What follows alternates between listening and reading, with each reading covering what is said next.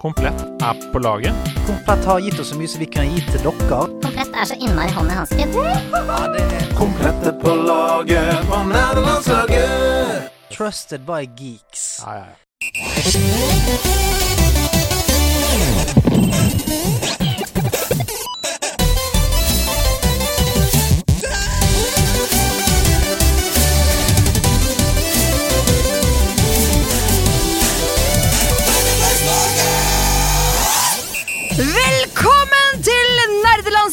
Det er deres frøken Ida Dorthea Horpstad. Jeg står her på gangen med de to mest eh, rampete guttene i hele Norge, nemlig Andreas Hedemann i en nydelig Skyrim-T-skjorte i dag. Fotball. Fotball er det han har å si. Den er sendt inn av Roy. Tusen takk, Roy. Takk for kreativiteten. Den er ikke sendt inn av Roy, den er sendt inn av Camilla, og hele catchphrasen i seg selv er fotball. Fotball. Den er sendt inn av Roy. Det er catchphrasen Det er catchphrasen. Og med oss i dag har vi også en nydelig, nydelig, nydelig mann. Takk. Som også er veldig glad i fotball. Eh, du- Han er sendt inn av Roy. Det er jeg. Han heter Sebastian Brynstad. Men dere kan kalle meg for fotball. Fotball. Den er sendt inn av Roy. Jeg, jeg skjønner jeg ikke, det er, det er- et meta... Det er et metagrep her, Ja, okay, men ja. er du sendt inn av Roy Hodgson? Det er spørsmålet mitt. Å, det kan hende at jeg er for å redde laget. Det kan hende. Oh. Uh, ekstremt aktuell uh, siden han ble uh, Watford-trener for typ ti minutter siden. Men Camilla hun sa til meg eh, en dag hvor vi sa, jeg satt og sleit med nederlandslaget-episode, skrev manus, så sa hun det er ikke noe vanskelig å skrive manus, du bare sier catchphrase 'fotball', 'fotball', den er sendt inn av Roy. Og så syns jeg det var så morsomt at jeg bare tok det med som catchphrase. Ja, ikke sant? Så, rett og slett undergr undergravde hele catchphrase-miljøet, som jobber steinhardt hver dag, ved å liksom surmaga si 'fotball, fotball', da sendt inn av Roy, og så, så blir det Men du vet at nå, innboksen til Camilla Den er bare proppfull den nå Av liksom alle alle ca catchphrase-kompanier eh, Catchphrase-kompaniet AS Camilla, er du gira på en jobb? ja, ja, de henter den inn, ja. Ja, ja, ja. Er, er, tror du de er sånn i samme landskap som de som skriver kransekakevitser? Ja Det, du, vet du hva, det mistenker jeg at det er samme greia. Og hva, Mm. hva kan vi se nå? Det er sånn Det kan være f.eks. Rema 1000. Handling. Handling. Jeg er sendt inn av Geir, f.eks. Det kan være mange, mange nye stiler nå. Neste gang du får en fortune cookie Så står det Lykke, lykke Sendt inn av Bob. Sendt inn av Bob, ja. Vel, Altså, det er, apropos Fortune Cookies, det er også samme firma, tror ja. Det er det Så hyggelig å se dere, mine venner. I like måte Vi sitter her som tre programledere, og hvis du ikke har fått med deg det i nerdelandslaget eh, denne sesongen, så er det sånn at annenhver episode så er vi tre. Det er vi. Og det er jo fordi for det første liker vi hverandre veldig godt. For det andre så er det veldig mange spill vi skal snakke om i 2022, for det kommer jo nytt spill hver uke.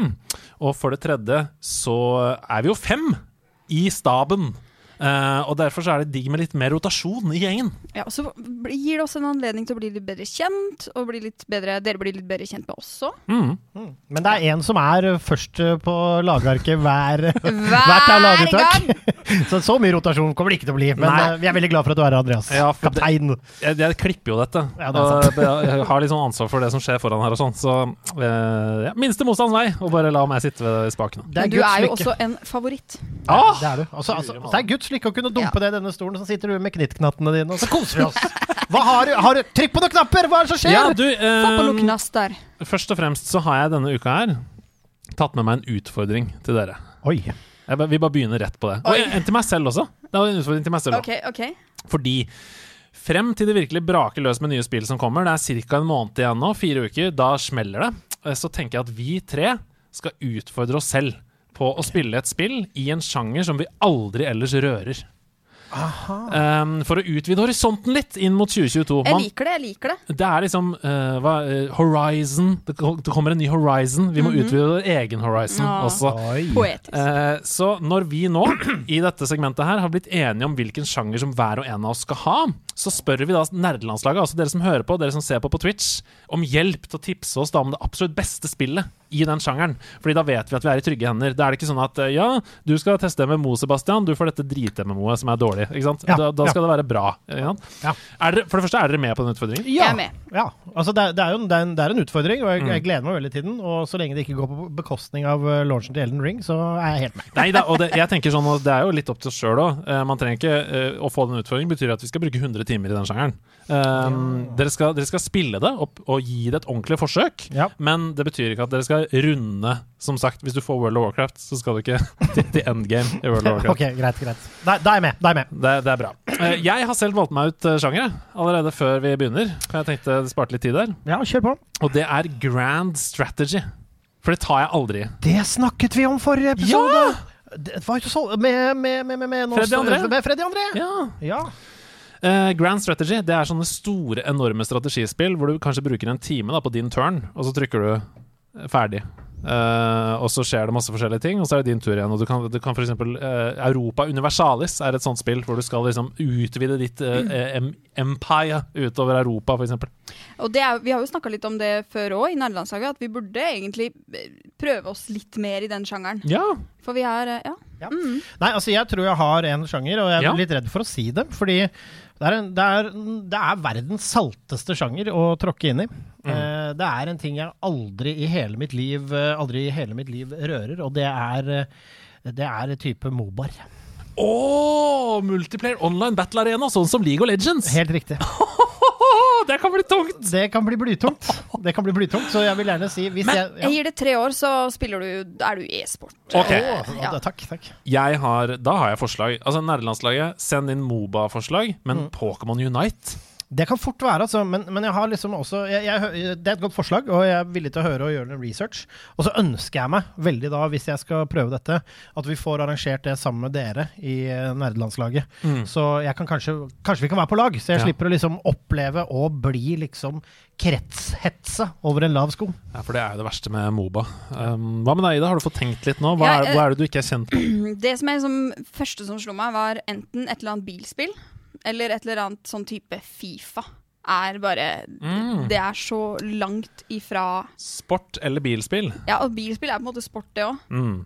Så sportsspill, kanskje, rett og slett? Et sportsspill. Ja. Der er jeg det Hva med basketspill, liksom? NBA? Ja, det frister jo ikke, så det er sikkert Men kjempebra. et veldig fast-pace et veldig, et veldig fast-pace og gøy spill sånn sportsmessig er jo NHL. Hockey. Sikkert kjempegøy. Nå lyser det, nå lyser det glede. Nå glede. bare lyser glede. Å, jeg er gira. Okay. Tusen takk for den. Nei, men, men jeg skal, jeg skal gi, Dere bestemmer. Jeg skal lover. Jeg skal gå inn i det med pågangsmot og med Hud og hår. eh, hud, hår og eh, kanskje sånn Altså det- munngard. Ja. Og, og jeg skal være gira. Munngard. Manngard og munngard. Munnbeskytter, er det du tenker på? ja, men, men tanngard eh, Tanngard men- heter det kanskje. Ja. Suss på tanngard. Suss på tanngard, Mm. og ikke noe mer. Rett inn i sportsspillets verden. Kjør på! Men det høres jo litt ut som skal krysse polene her nå. Men for det, det, jeg, det jeg lurer på, da, er jo det altså, Eller kaster ut en, en teori. Mhm. At kanskje det er en grunn til at vi aldri har spilt disse sjangerne. Og at eh, dette kanskje føles ut at første møte kanskje også potensielt, hvis man har tid, kunne ha vært strømma, da. Men eh, Ja.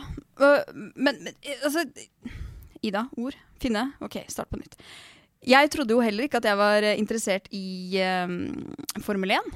Nei. Men uh, Drive to Survive har jo Jeg har, jeg har virkelig Jeg har betalt for å se finalen i uh, Formel 1 nå.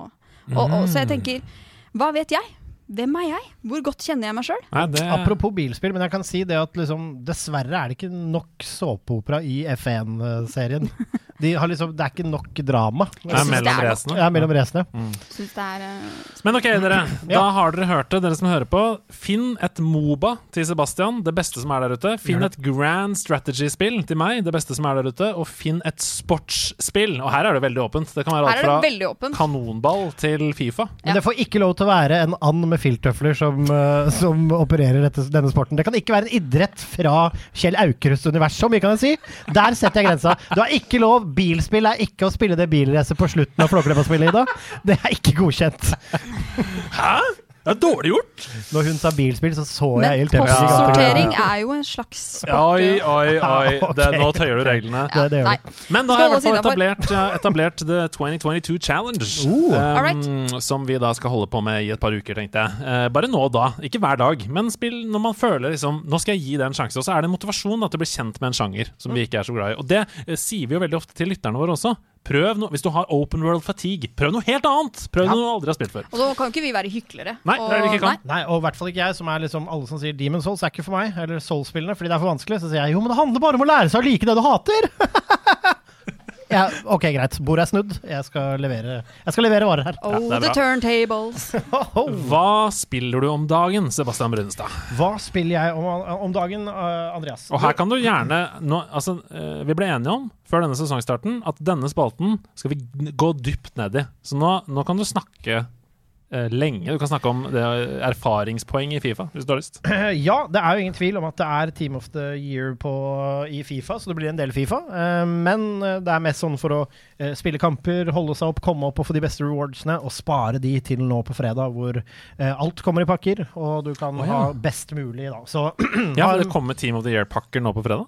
Nei, altså det kommer, det kommer ut i pakker. Alle pakker har en teknisk sett mulighet for å få en Team of the Year-player, ikke sant. Så jeg har spart opp alle ja. reward packsene i mange uker, ikke sant. Wow. Blir det en julaften hos deg? Det kan bli det, eller så kan det bli den totale skuffelse. EA, opp til dere.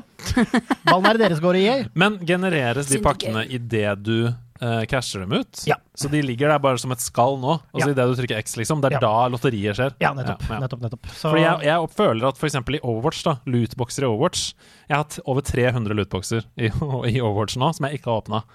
og jeg føler at de ble generert idet jeg fikk dem. Sånn at det er samme når jeg åpner dem, fordi de er de samme Men hvorfor Det- har du ikke åpna de, da? men det tror jeg Fordi det tar 100 år.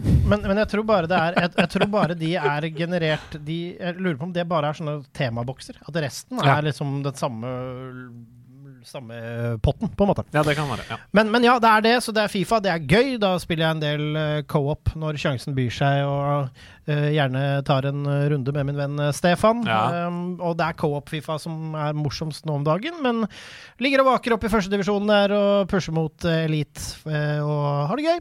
Um, så det er det. Og så driver jeg og platter Ghost of Tsushima. ja, det holdt jeg på med forrige uke òg. Ja, og det tar jeg rykken opp, for jeg gidder ikke sitte og krøstre. Nei, det så jeg jeg. tar liksom og går inn, og så gjør jeg noen platt-oppgaver, og så er det sånn holde på med den time og sånn, og så er det Nei, vet du hva, nå er jeg ikke ny på det lenger. Så det er en greie. Det Eh, er som å koble ut hodet, basically. rett og slett. Litt sånn meditativt. Finne shrines og bare go with the flow. Eh, det har jeg gjort en del av, og så har jeg jo nok en gang uh, strømma litt. Vi prøvde oss på eh, Two Point Hospital. Spennende. Gi gjerne førsteinntrykk av det. Det var ganske dårlig, syns jeg. Eh, for å være Det må være ærlig. lov, det òg. For å være beint ærlig, jeg hadde litt store forventninger. Og så kan det være at jeg husker Theme Hospital som så veldig bra, eh, og så veldig veldig gøy og lekent. Det er nok mange av de samme elementene her, altså. Men det fant ingen måte å fenge meg på. Det var liksom inn i en sånn Her lærer du hvordan du gjør det. Sånn, gjør det, gjør det, gjør det. gjør det Nå må du ha det, nå må du ha det. nå må du ha det Her kommer det folk, her kommer det folk, her kommer det folk. Ingen morsomme karakterer, ingenting. En og annen morsom turn of phrase, men liker du den slags ting, og liksom få sånne synergieffekter og funke og sånn? Men for meg ble det veldig sjelløst. Jeg var innom og titta på streamen din uh, når du spilte det, Ja. og det så ikke ut som For jeg har jo spilt Team Hospital, Ja. og det så ikke ut som et sjukehus i det hele tatt. Nei, det var kanskje min feil, det er jeg som bygde det. Men Å ja, ok. det var jeg som satt i ma stirrende mammuten og sånn.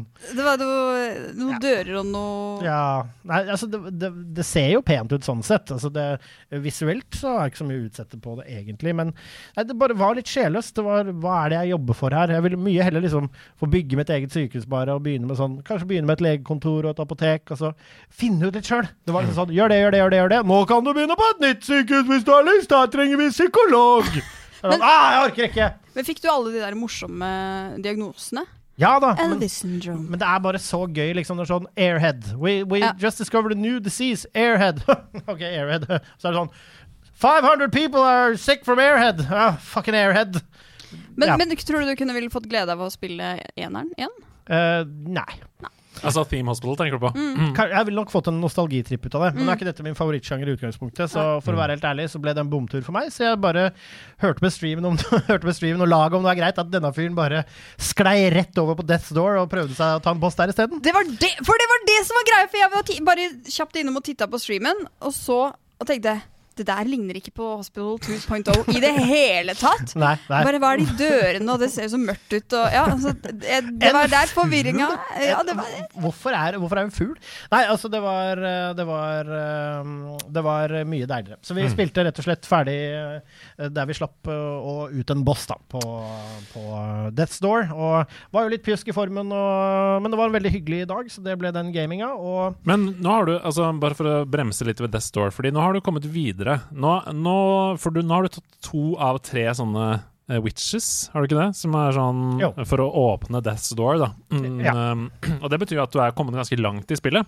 Jeg tok bestemor nå, ja. Ja, og da kan du vel begynne å gjøre deg opp en slags, et slags inntrykk, en mening om hvordan det er, og hva som er bra, og hva som ikke er så bra. Definitivt. Jeg syns spillet er veldig fint. Jeg syns det er gøy. Jeg syns det er morsomt. Jeg liker at det er greit med checkpoints og sånn. At det er Det føles som du kan nyte det ganske sånn bite-sized. Eh, det er jo inspirert av en av mine favorittspill gjennom tidene, Dark Souls selvfølgelig, og referansene og ikke minst litt sånn Det peker jo litt nese til det med litt morsomme karakterer og referanser og sånn, som jeg koser meg veldig med.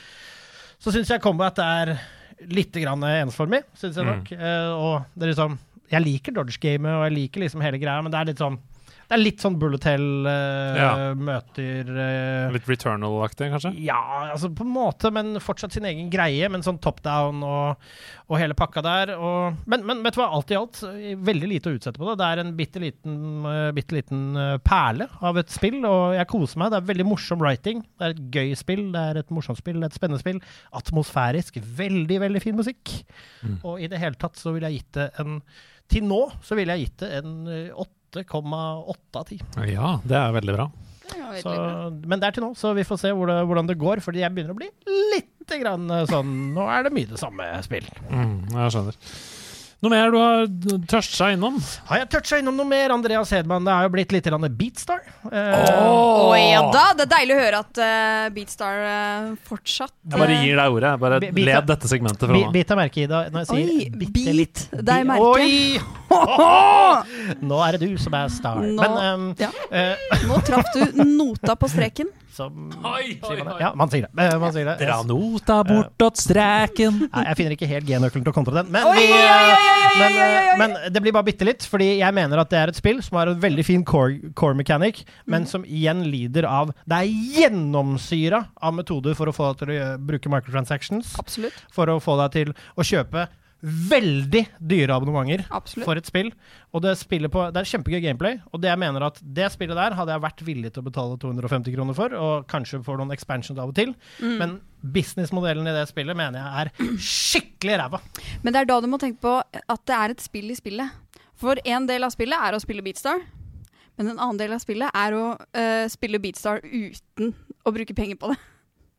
Ja, du spiller på en måte mot deg selv. Ja, Du spiller mot deg selv og firmaet. Ja, det tenk, tenk, om liksom, tenk om det ble sånn lovlig med liksom gambling i Norge fordi gambling, altså noen som digger gambling, noen som eier et kasino, bare sånn Halvparten av utfordringa i vårt kasino er å la være å komme. Det er å la være å komme hit for å bruke alle pengene sine. Det er ikke noe vits å gjøre her! På dette kasinoet her! Her, Ikke kom i denne døra! Jeg utfordrer deg på det, men hvis du gjør det, så bruker alle pengene dine her, fordi da er det greit, for da har du kommet deg inn med halvparten av spillet. Sånn er det ikke, Ida. De forretningsmodellene som du er inne på der, Ja. det skal vi snakke mer om senere i Men-. Skal vi det? Men dette er jo min forretningsmodell. Å ja. Hvordan jeg kan spille Beatstar uten å bruke penger på det. Ok, fortell. Har, har du en god modell her? Eh, spille Beatstar fram Mindre. til, fram til du må betale. Nei, Slutt å til, spille. Og så slutte å spille Beatstar? men du man må jo bare vente. Du kan jo på Ja, men reklame. tenk om, tenk om det skulle vært sånn i andre spill. Er sånn, yes, nå gleder jeg meg til Elden Ring. Ja, men det Shit. er jo egentlig Å, nå- veldig bra. Tenk, og ræva di takker deg for at du ikke kan sitte altså, timevis og spille Beatstar når du er på do. Jo, men her sitter jeg og håper å få lov til å jamme Sweet Home Alabama. Jeg har putta den i ønskeboksen. Sitter og gleder meg til Sweet Home Alabama. Nei, nei, jeg må gjennom Sugar Plume and The Young Cadillac Men er det ikke Driver 4. deilig å glede seg til noe? Og Nei. tenk så mye deilig Nei. musikk du oppdager på veien! Det er sånn fire ganger på rad så får jeg lov til å spille låter som er sånn herre I got money in the bank and a car that's pank. Og så er det sånn Nei! Nå er jeg lei av det! Jeg vil ha Swirman Mama. Nei, sorry, da må du betale 59 kroner for ei julekasse. Men Og så må du ha tenke på- 149 abonnement. Og så kommer borgermesteren her. Han skal ha sin cut. Men du er spiller jo i et, du spiller i et eventband. Du må huske det. Du må spille de låtene som er ønska. Okay, så du, altså, du forsvarer Beatstar såpass? Det er eventband simulator, dette her, på en måte. Ida er hjernevaska for lenge siden av Beatstar eh, ja. cor- Corporate. Jeg er bit av basillen. Det blir en sånn episode. Takk for meg. Nei da, men, eh, men um, Beatstar Bra core mechanic, altså, men jeg hater microtrans uh, with a passion. Men jeg spiller jo Ja. fortsatt Fifa. Men der kan du i hvert fall spille så mye Fifa du vil, uten at det kommer noen og bare Hva med, hva med Skal du spille andre om her, må du vente 20 minutter. Eller det, ikke, hysj, hysj, EA kan høre på! Nei, nei, nei, det har aldri skjedd. Men kan vi ikke, uh, hvis uh, du, som er utvikler av dette spillet, Beatstar, hører på Space Monkey, Space Ape Spe eh, nuclear rape, er det det heter? Ja. Altså, han hører ikke på, han er for opptatt av å svømme i pengene sine. Ja, Han skrur ikke med sant. Jeg tipper eh, også han er fra Polen eller noe sånt. vi vil gjerne Nei, det er svensk. Oh, ja, det er det. jag. McDuck. Hej, hvis ni lyssnar på meg nå, uh, creator av uh, Beatstar. jeg ønsker meg å kunne betale betala 200 kroner og få spela Unlimited play. Ja, men Unlimited sven play. svenske eller norske kroner? Hva enn som er best på kursen. Nå er vi langt ute i digresjonshavet her. Ja, ja, ja. Hva annet har du spilt? Er det noe mer enn Bister? Nei, eh, det er vel det som har, eh, har gått mest i Ja. nå, ja. Egentlig. Så det, det er det. Men det er en blitt- fin filet, det. Det er veldig, ja, faktisk også Buffé heter det, ikke filet. Fin filet, det likte jeg. Fin buffé, men jeg også, av en merkelig grunn så fikk jeg det plutselig for meg at jeg var hypp på å mekke Miles Morales, for det datt jeg av. Så det gjorde jeg også her en kveld. Oi, men det er jo et kjempebra spill. Eh, Ja. Og nå i det siste har jo PlayStation 5 blitt mer tilgjengelig for folk flest, spesielt over jula. Så vi kan godt snakke litt om Miles Morales, selv om jeg hadde dekket det før. Ja da, altså Miles Morales er et spill jeg koser meg med. Jeg ble liksom, gjorde mye sidequests og få draktene, og det var veldig sånn kos- Spilte du Spiderman 2018? Har du spilt det før? Ja. Ja, ja. Så jeg spilte Oi. En liten gulp der. Men, eh, men eh, spilte, spilte det første Spiderman, så kom jo dette, og det var en av de første tingene vi fikk på PlayStation 5 som var PlayStation 5. Og vi var jo en av de heldige som hadde en veldig tidlig. Eller på launch day, som det også heter. Men da mm, Det ble jo til å liksom eh, Marvel over Tekken, skjønner du hva jeg mener? Det var å svinge seg rundt og kose seg med sidequesting og gjøre missions og storkose meg med det. Men så var det jo en del som skulle testes og en del som skulle gjøres sånn, så jeg spilte meg ganske langt i det. Sidequesta rimelig mye, og så ble det liggende. Så jeg hadde bare to missions igjen av mainstoryen, så det var ikke noe mer enn det. Men det er fantastisk, en fantastisk perle av et spill. Kjempekul historie. Fet uh, tech-demo av eh, PlayStation 5, ikke minst. Og det ser jo dynamitt ut, og svinging i byen har jo aldri føltes bedre. Så det, det anbefales, og det er vel også relativt rimelig, vil jeg tro. Jeg eh, ville sagt vent til neste jul, for det er den ultimate julestemningssimulatoren. Det spillet. Det er så jul i det spillet, oh, ja. og hele familien sitter rundt bordet. Og selv om vi ikke har de beste kåra og le levekår, så har vi hverandre. Ho, ho, ho, Selv om vi ikke har de beste levekåra, så har vi PlayStation 5. Ja. Selv om vi ikke har den beste levekåra, så har du i hvert fall superkrefter. Så det er veldig julestemningssimulator. Um, Tror du Spiderman pynter til jul med edderkoppspinnet sitt på treet? Å ja. Det tror jeg også. I hvert fall istedenfor juksesnø på vinduet, så er det spidersnø på vinduet. Jeg vender mitt fjes fra høyre mot venstre og ser på deg, Ida Dorthea Horpestad.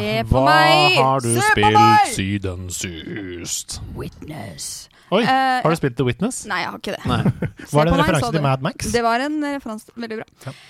Du, jeg har eh, spilt litt uh, forskjellig. Uh, jeg har også spilt Beatstar. Det har du. Men ikke så mye, da, fordi halvparten av spillet er jo der. ja. Nei, jeg har ikke spilt så mye, men jeg har kost meg med det innimellom. Uh, og så har jeg eh, Jo, jeg, har, jeg, er jo, jeg er jo så heldig at jeg har en fantastisk kjæreste som har lyst til å spille med meg. Og uh, vi har uh, Vi tenkte OK, hva er det som Vi har spilt Overcooked 2 og mm. kost oss veldig med det. Dere spilte jo også It Takes Two Yes. foran før jul. 222. Uh, så vi tenkte ok, hva er det som kan være en, en type lignende morsom opplevelse som det? Eh, og fant da Moving Out. Oi, Moving Out. Jeg har aldri hørt om det. Jeg tror det er samme utviklerne som har laga Overcooked. ja. Eller er det oppfølgeren til It Takes Two? Moving Out. Skilsmisseoppgjøret? Skilsmisse, Det, det, det er beinhardt. Det er mest tekst. Eller sånn at eh, det barnet flytter hjemmefra, da. For nå er det blitt voksent. Og, Ja, ja I hvert fall. Moving Out handler om at du uh, Det er litt som Overcooked. Du, er, du jobber sammen om å um, fullføre en operasjon på kortest mulig tid. Uh, du kommer inn, du har uh, med deg en flyttebil, og um, om å gjøre å få dratt alle møblene ut og inn i dette spacet da, som du har. ja, så det er litt Tetris òg. Det er på en måte det, men eh, det føles uh, Men, men Ja. er det sånn fysikkmoro, eller er det liksom sånn komisk gøy å velte ting og sånn, eller er det sånn faktisk tet, eller flytting på effektiv måte? Det er komisk gøy å velte ting. Ja. Eh, eh, du får Uh, høyere poengscore. Altså, du må gjøre dette på tid, så jo kortere tid du bruker, jo flinkere man er, jo, jo eh, høyere score får du. Og selvfølgelig, det er begrensa med plass inni denne lastebilen. Eh, sånn at du må jo være litt eh, flink på Tetris, holdt jeg på å si òg.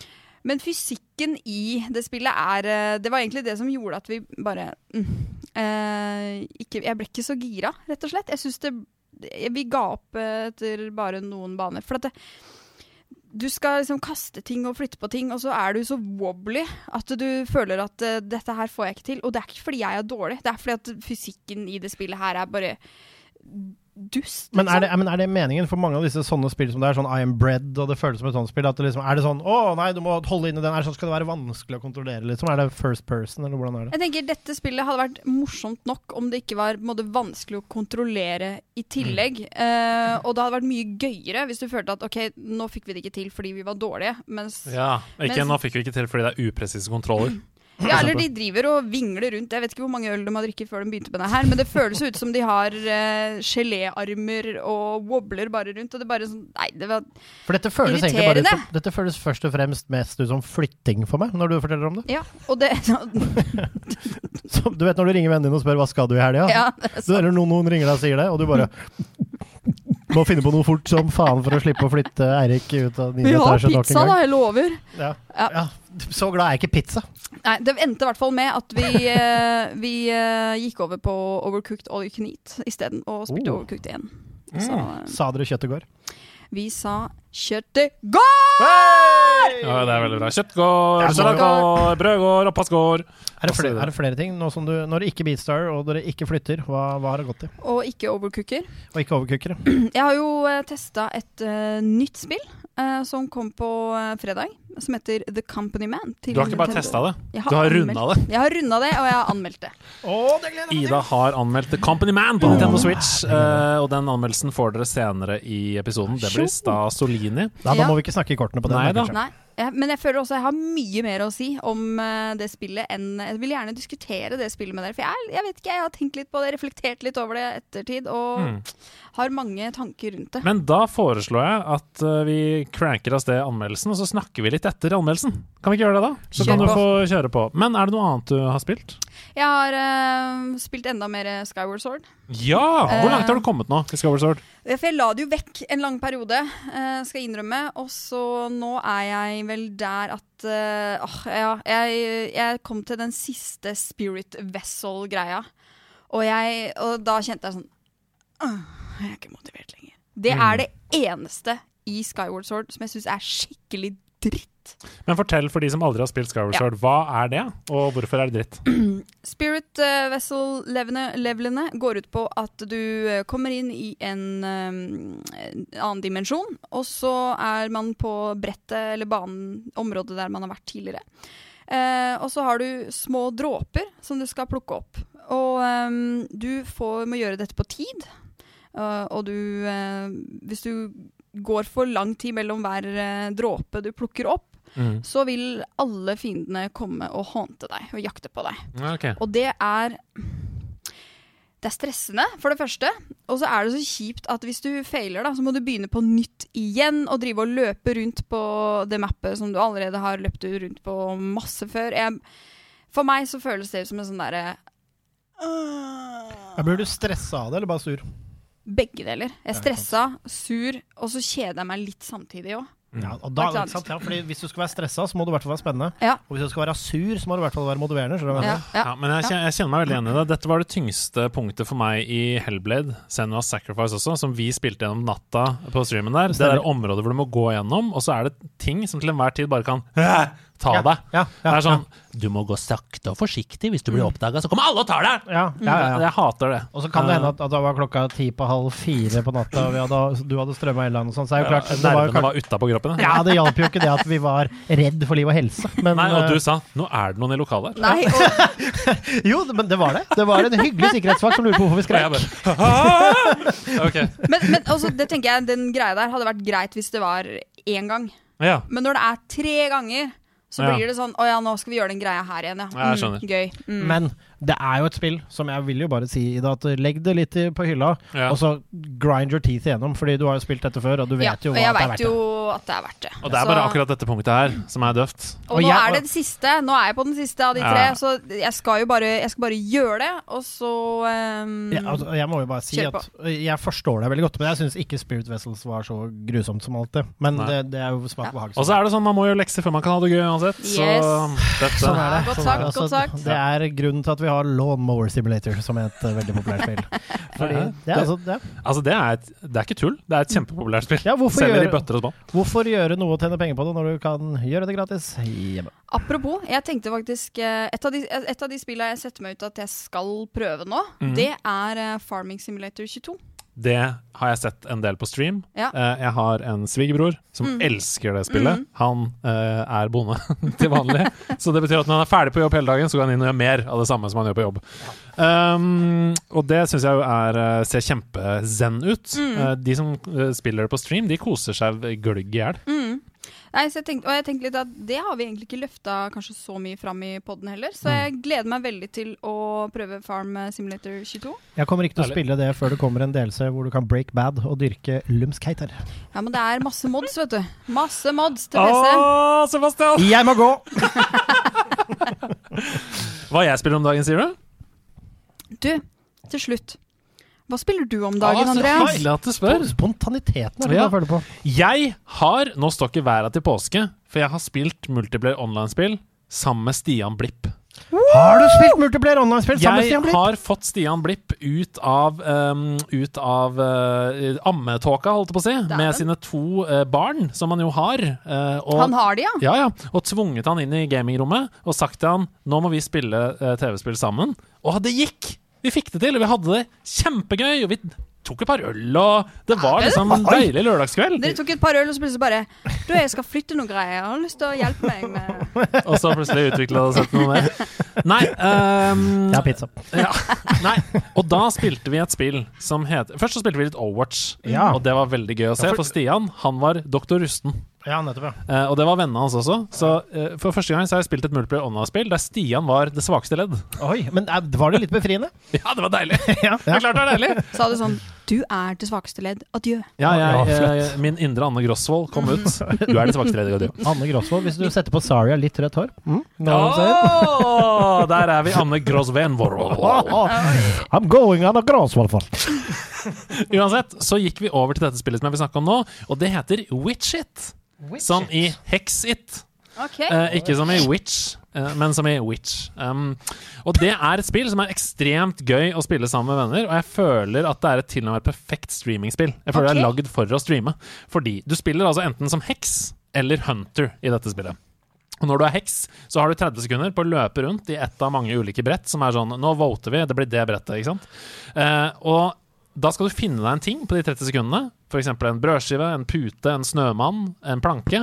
Og så høyreklikker du på den, og da blir du til den tingen. Ah. Du blir til en planke, du blir til en pute. ikke sant? Og så skal du forsøke da å gjemme deg som den puta i omgivelsene, sånn at det, sånn at det ser naturlig ut, og den puta ligger sånn her, på riktig sted. Og så slippes da hunterne ut, og de har tre minutter på å finne alle heksene. Så de Det høres løper rundt, ja, ja, og de løper rundt og skyter med sånn potetskyter og sånn. Det er veldig gøy. Um, og så har man ulike abilities som man kan velge. Uh, Og masse masse humor, masse sånn holde pusten-øyeblikk. I det jeg gjemte meg for som en åre oppi en båt på et tidspunkt. Stian sto oppå meg som hunter. Jeg bare Han var sånn Hvorfor er jeg så jævla stille? Hvorfor er jeg så stille, Andreas? Kjempegøy! Ja. Og du kan, du Det er, kan det er gjemsel. Altså det er, det, ja, dette er jo den samme som funksjonen i Dark Souls når du invader. Så Mm. kan du caste så du blir en ting i området. Ja. Og det er det aller beste å stå og vente på noen. Og når du er ute og du liksom lusker ut, så plutselig ser du en av statuene krysse veien for å gjemme seg. Det er jo veldig moro. Men kan du bevege deg underveis også? Ja, ja du kan bevege deg underveis. Du kan bytte, så hvis du blir oppdaga, så kan puta bare Woo! fly. Kan du flykte når du er puta? Ja, Herregud! Nei, nei, nei! nei. ja, det er det du kan. Og så kan du ha som sagt ulike abilities, sånn at f.eks. hunterne da De kan velge mellom forskjellige abilities. F.eks. en høne som de kan kaste ut, som gir et utropstegn når den er i nærheten av noe. Sånn at da vet du at innenfor ti meter radius så er en av disse tingene her! Det er en heks. Men kan du da, hvis høna sier kan du da snike deg ut av hønas radius? Uh, ja, ja. Ja, nettopp. Ja, Ja. Det er det beste.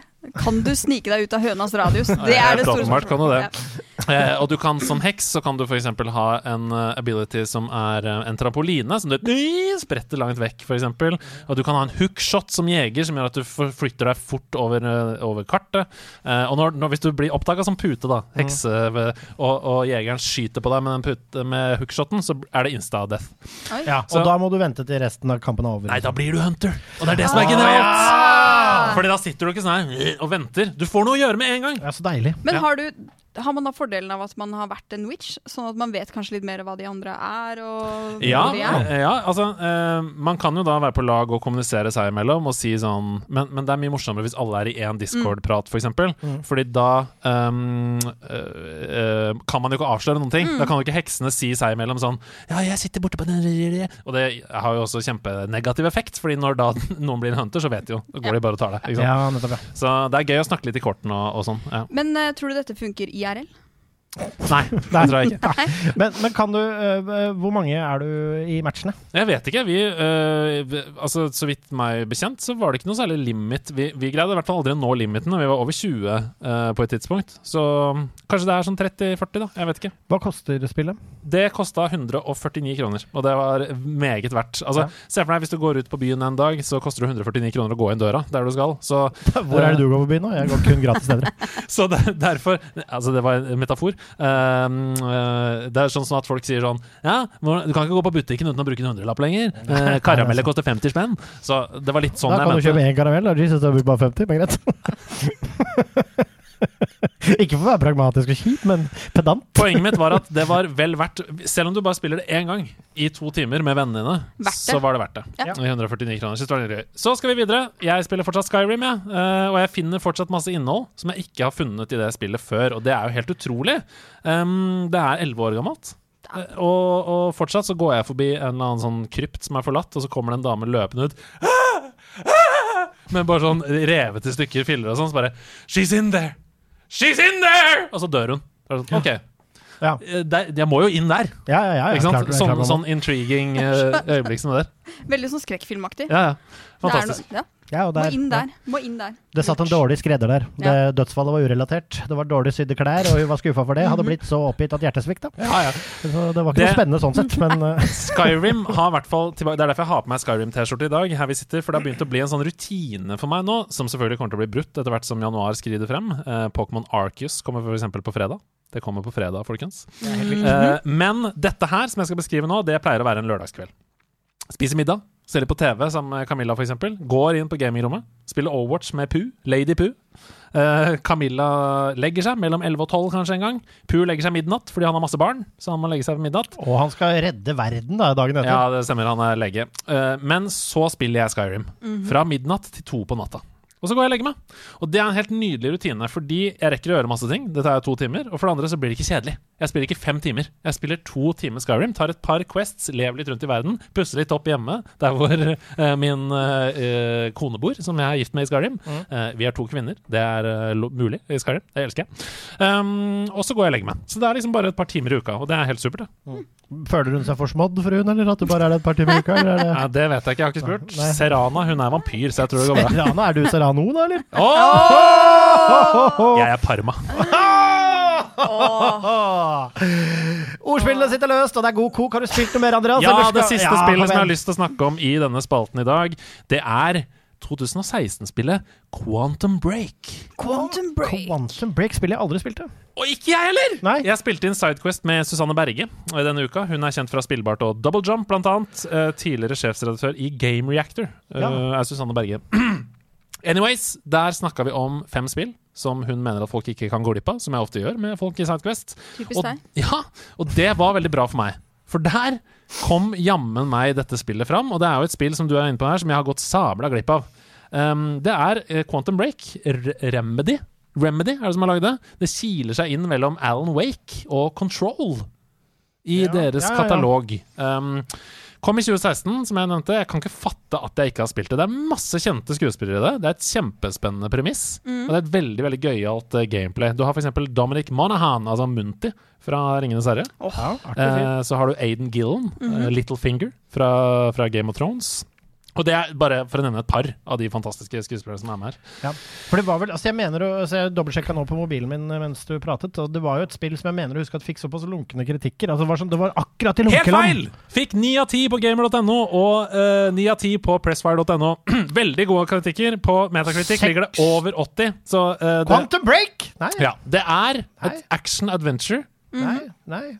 det, Ja, det, det er PC-versjonen, eventuelt. sek- det er 66 på Metascore og Eh, 77 på Metascore på Xbox. Ja, uh, sjekk PlayStation. Uansett, det var uh, veldig veldig bra i norske spillmedier, i hvert fall. G Ja. Både, både gamer.no og Pressfire ga det veldig gode karakterer. Uh, og det er et action adventure, tredjepersons skytespill. Sånn som Control. Eller sånn som Max Payne, eksempel. Um, det handler om tid. Det handler om tidsreiser, det hører man jo i navnet her. Og det er et eksperiment med en tidsmaskin som går i dass. Og det som skjer da Literal? ja, literal. Uh, nei, det det. Det går ikke ned i kloakken, men, men det går dårlig. Um, og det ender med da at tiden faktisk, bokstavelig talt, er i ferd med å renne ut. I dass. Ikke i dass, nei. Nei. Nå må vi skjerpe oss! Unnskyld, unnskyld. Der Jeg prøver å være public service som Ja, spiller det er bra. Quantum Break er her. Det er, det, er, bedre seint enn aldri, fortsatt. Det, det som altså uh, er poenget, er at verden skal gå tom for tid. Uh, på grunn av da den samme effekten med sånn tid- og romtenkning som du ser i f.eks. Interstellar-filmen. Uh, du som hovedperson, du er der når denne tidsmaskinen går ad undas, eh, og effekten oppstår. Uh, og på Spiderman-vis så blir du da selvfølgelig stråla full av sånn kvantestråling, som vil si at du som spiller kan manipulere tiden. Gøy! Gøy. gøy. Ja, var det gøy? Ja, det er gøy, fordi det er, um, det er ikke bare det at du kan skru tilbake tiden, sånn som i Life is Strange. Du kan f.eks. fange mobs i et lite område der du fryser tiden. Mhm. Sånn at hvis, vi to, hvis jeg står her med mine gunnere nå, og dere kommer inn og løper mot meg, så fryser jeg deg. Med en ability så skyter jeg deg i hodet. Så løper jeg rundt deg, Sebastian, så skyter jeg deg i bakhodet mens du er frossa i tid. Ja. Ikke sant? Så det er masse sånn actionsekvenser som kan oppstå pga. det. Uh, kjempegøy. Og du kan lage deg et tidsskjold. Du kan, du kan uh, selvfølgelig um, Dodgen din er jo at du forflytter deg fra et sted til et annet i tid. ikke sant? Så Instant. du hopper bortover, så de fortsetter å skyte der, men du står plutselig der. Gøy! Gøy. Ja, det høres jo gøy ut. Har det, men har det holdt sig? Ja, ja, det er kjempe Det er veldig høykvalitets animasjoner og sånn, så det er ikke noe problem. Men her er kanskje det som gjør at noen ikke liker det. For det er et veldig sånn modig grep, hvor de bare har sagt 'fuck you' til Uncanny Valley. Det har de bare, Ja. det har de bare tenkt sånn. Vi kjører på med det, og så får folk like det eller ikke like det. Um, det er delt opp i akter, spillet. Og på slutten av hver akt så får du ca. en halvtime lang episode i TV-format. Dæven. Med, med ekte skuespillere òg, eller er den mer da? de digitale versjonene av spillkarakterene Ah. blir erstattet av ekte film. Så Aiden Gillen da, han går fra å være animert til å bli ekte. Og så er det TV, en høykvalitets TV-produksjon. Så det er både en TV-serie og en film. Eh, For det første så er det kjempebra og spennende, og det du gjør i spillet, det styrer også handlingen i de halvtimesepisodene. Å, det er kult! Så det har replayability. Absolutt. Eh, Og det er hittil, for meg, da, eh, et kjempebra spill, samtidig som det er en spennende TV-serie. Kommer du til å runde? Ja, det gjør jeg. Ja. Jeg sjekka How Long To Beat, bare for å være helt sikker. Ti timer. Mer enn innafor. Og det er gratis på GamePass, eller? Absolutt gratis på Game Pass! For en tid å være levende i. Oi, oi, oi, så Quantum Break det har jeg så vidt begynt på. Ferdig med act 1 og act 2. Jeg koser meg glugg, altså! Ja, glugg. Eh, Det er, og det, jeg, jeg er faktisk overraska over hvor godt den overgangen fra liksom eh, spill til TV-serie fungerer. Jeg bare kjøper det, jeg legger fra meg kontrollen, og så ser jeg på TV-serien en halvtime, og så er jeg tilbake igjen. Ja, For det, det er jo på en måte ikke gitt, det. I Nei, ikke det hele tatt. At den skal være smooth, eh, den overgangen der. Men er det unskippable, unskippable cutscene, Ja, da mister du hele poenget med spillet. Så Ja, jeg det, tror, ja, ja, nei, jeg bare lurer. Altså, Ja, så hvis jeg du er jævlig keen på game, og du satt fra, tok på pause i går, så er det sånn Å, shit, jeg har lyst til å kose meg med spillmekanikken her, og Ja. fete Warzone, så bare Halvtimes TV-serie, ja! Ja ja! ja, Da er det bare å flekke opp telefonen. Jeg tror ikke du skjønner så mye på en måte av neste act, da. Fordi det er jo en TV-serie som binder det sammen. Um, Ja, nei, det var ikke sånn ment. Det var jo bare Det er en lang cutscene, da. Ja. Uansett hvor TV den er. Det er sant, det. Det jeg derimot eh, kan se for meg, det er at du trenger ikke å spille spillet. Du kan bare se alle cutscenesene, og så er det en bra TV-serie. Ja, så hvis, du er keen, så hvis du er keen på å bare se Quantum Break, så kan du se Quantum Break, og så kan du spille spillet ut Kan du gjøre det andre veien med bare spille nå? Ja, men handlingene dine påvirker jo også eh, handlingene i serien, ikke sant? Så det har jo litt Jeg føler meg i hvert fall veldig connecta til Ja. serien. Jeg føler at fordi jeg valgte å drepe den personen istedenfor å la den leve, så fins denne personen fortsatt i handlingen. Man blir jo ja, investert i TV-serien på en Ja. måte òg, da. Ja. Ja. Man må være in the mood for begge deler, da. Det er det man må, og det man også må være in the mood for, det er improsang. Hei! Ha med, ha med dag. Hei, hei. Ha med, ha med dag. Ha med ting etter ditt behag. For det er ha med dag. Herregud, så gøy! Ja. Ok, Nå blir det en gøyal kveld! Det blir en gøyal Nå er det ha med dag med Edo, Ida og Seb. Hva er det vi har med? Er det julaften i dag? Er det julaften i dag? Hva er det for noe? Hva er det jeg har med deg? Og jeg har tatt med en ting fra min egen samling, jeg. Samling Vet ikke om det er klokker, er det Pokémon, eller var det nei? Sebastian, hva har du tatt med deg? Vil du si det helt til slutt? Jeg kommer ikke til å si det akkurat nå, for der er jeg nemlig en For det jeg har med deg. gutt. Ja, det er ikke det beste vi har levert, men det er filler'n meg ikke det dårligste heller. det, det det er vanskelig. Jeg, ja. Jeg syns det er solid, jeg. Ja, Jeg synes Ja. det er solid. Dere er gode. Vi har da selvfølgelig valgt å ta med oss én ting hver. Det har vi. vi har tre ting med. Ja. Er det noen som føler seg kallet til å begynne? Jeg, vet du hva, Jeg føler at jeg kan avslutte, for min er mer konseptuell enn oh. en faktisk interessant. Hei. Da kikker jeg på deg. jeg. Eh, glemte du at du skulle være ha med dag i dag? På ingen måte, Nei, Ida. ok. Så det er bare å glede seg. Vet du hva, jeg starter jeg. Ja, Ida starter. Hun bøyer seg ned i sin lille taske. Eh, for de som ikke ser dette på Twitch, så kan jeg avsløre at det er en skinntaske med eh, brodert, brodert bilde av eh, Davy Vatne på. Vi lurer på hvorfor du har det. For jeg er eh, fan av Davy Vatne. Jeg, jeg, jeg tror jeg vet Altså, jeg føler Davy jeg vet hva det er. Whatnot heter vi på Åh, eh, Instagram. For å ikke tulle mer, det er en fantastisk koffert her. Det er, jeg har med en koffert i dag. Wow. Wow. og dette er uh, mer enn en uh, koffert. Det er nemlig et spill. Det er backgammon! Det er backgammon! Det er er backgammon! Wow! Uh, og dette er mitt uh, Det er jo mitt private backgammon. Backgammon er uh, Altså, dette er det er ikke så mange som har privat backgammon. Nei, nei, nei. nei. Altså, nei. det er ikke noe Det er Eller det tror jeg det er ganske mange som har, for å være ærlig. Jeg tror ikke det, jeg tror ikke det er så sjelden. Jeg Jeg skjønte at tenkte det var på sånn personlig eh, inngravert et eller annet. jeg. Ja, nei, så, så gærent er det ikke. Nei, ok. Men, men det, på en måte tanken bak å ta med det i dag, det er mer enn bare det å, å ta det med og på en måte snakke om det og vise det. Eh, for det første vil jeg si backgammon. Et fantastisk spill. Mm. Tar veldig kort tid å lære. Tar en livstid å mestre. Eh, eller det gjør egentlig ikke det heller. Men, men det er veldig gøy. Jeg tror det tar en livstid å mestre, for vi har hatt faktisk en av Europas beste backgammon-spillere eh, i nær um, omgivelse av nederlandslaget. Han heter Sturla Haugesgjerd, Ja. eh, og han la den karrieren på hylla for å drive med Heartstone isteden. Nå er han ja. legend i Heartstone. Sturla, do you hear me? Ja. Eh, tar gjerne en, eh, en eh, runde backgammon. Mm. Greia er at vi er jo på House of Nerds. Ja, det stemmer. Eh, og eh, hver gang jeg eh, kommer hit, Ja. så, sier, eh, så driver jeg og leter litt rundt i, i spillet, for jeg, jeg skal spille litt. Og så sier KP Leter du etter backgammon-brettet ditt i dag? Eh, ja, det gjør jeg. God parodi. Ja. Nå glemte jeg hvordan uh, Nei, det er veldig riktig. Det er, det er KP på en prikk. Okay, okay. Slapp på avtale. Nei da, KP! Neida. Du er god. Ja, Ja, det er klart du er god. Eh, og så har de et backgammon her, men det er en del av sånn spillmagasin. Ja. ja, ja, det ja. Så har jeg tenkt Altså, jeg har, jeg har jo flere sett. Her må eh, Her på House of Nerds så må vi ha et backgammon-sett. Mm. Og eh, Så det, det, det jeg har med, er både et backgammon-sett som skal være her. En gave! Det er gave! Det er utlån. Å ja, ok, greit. Modifiserer seg der. Ja, det, er, altså, jeg vet ikke helt om det altså, Det er jo snilt å låne bort backgammon-brettet sitt, men Ja. det var helt sikkert Å, en gave, så koselig!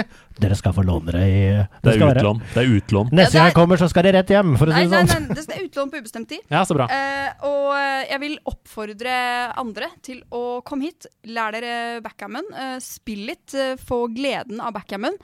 Eh, ser du meg komme inn døra, så si eh, Ida, eh, jeg utfordrer deg. Ok, ja, for ikke ser du meg komme inn døra, så pakk sammen og gi Ja. meg det jævla backgammon-brettet. Ser du meg komme inn døra, så vet du hvem som eier det egentlig. Så nei, uh, så virkelig, uh, backgammon føler jeg er et uh, spill som ofte blir uh, glemt som baksiden av sjakkbrettet. Så mitt, min beskjed er snu brettet og spill litt backgammon. Og hvis du er som meg, så Ikke ta fram det backcam-brettet i det hele tatt. Finn Otello isteden. Mye morsommere. Jeg går videre til min ting, jeg.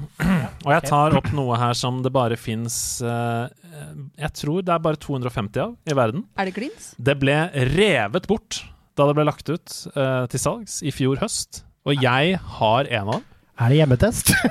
Dette er Jeg holder opp en uh, rød og hvit eske som ser ut som en pokerball. Ja. Og på toppen så står det Psycho and Pokémon. Dette Å, det her er blir sexy, vet du. Pokémon-uret! Og dette er en blå uh, kronograf Blastoise Dette er en Og det er uh, Seiko, Se på den, altså. Psycho Pokémon blå Blastoise-klokke. Jeg viser den til skjermen nå, og som dere ser, sekundviseren er en pokerball som snurrer rundt Gi meg den med det samme. Jeg skal være meget varsom. Jeg vil til å bytte den mot et backgammon-brett. Eh, Kommer den også til å ligge på House of Nerds, er mitt spørsmål. Eh, Det kommer ikke til å ligge på House of Nerds, den kommer til å ligge i mitt private hvelv. Den er meget vakker. Jeg er jo en av de som uh, vil gjerne titte litt på den.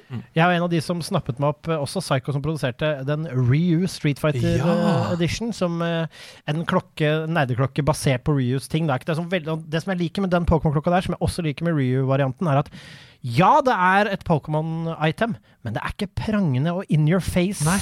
Jeg er helt enig, og den fungerer helt fint som altså, vakker. Hvis man ønsker seg en klokke, så kan man bruke den som klokke. Altså, det, er ikke som, uh, det er ikke først og fremst, som du sier, da, en på en måte, leke eller noe som Nei, Ja. nei, men det var ikke det jeg tenkte. Men det er sånn, du kan ha den på til dress. Og så vil, vil du, hvis noen sier 'Å, det var en fin klokke, hva er det?' 'Å, shit, er det Pokémon?' Nerds Unite. Men det jeg reagerte litt på eh, Nå er ikke det ment som noen kritikk, det er mer som et spørsmål. Mm. Eh, den heter Blastoise. mm. Både Squirrel og hva er det, War Turtle. ja, er på den, Mm. men ikke Blastoise. Fordi han er gravert inn på Å, Åh, det er jo bare helt Ah, Det er enda er mer er sexy. Blastoise er gravert inn på baksiden. Der står det også Jeg tok litt feil med antallet. 334 av 700. Så dette er Fortsatt. klokke nummer 334 av 700 i verden.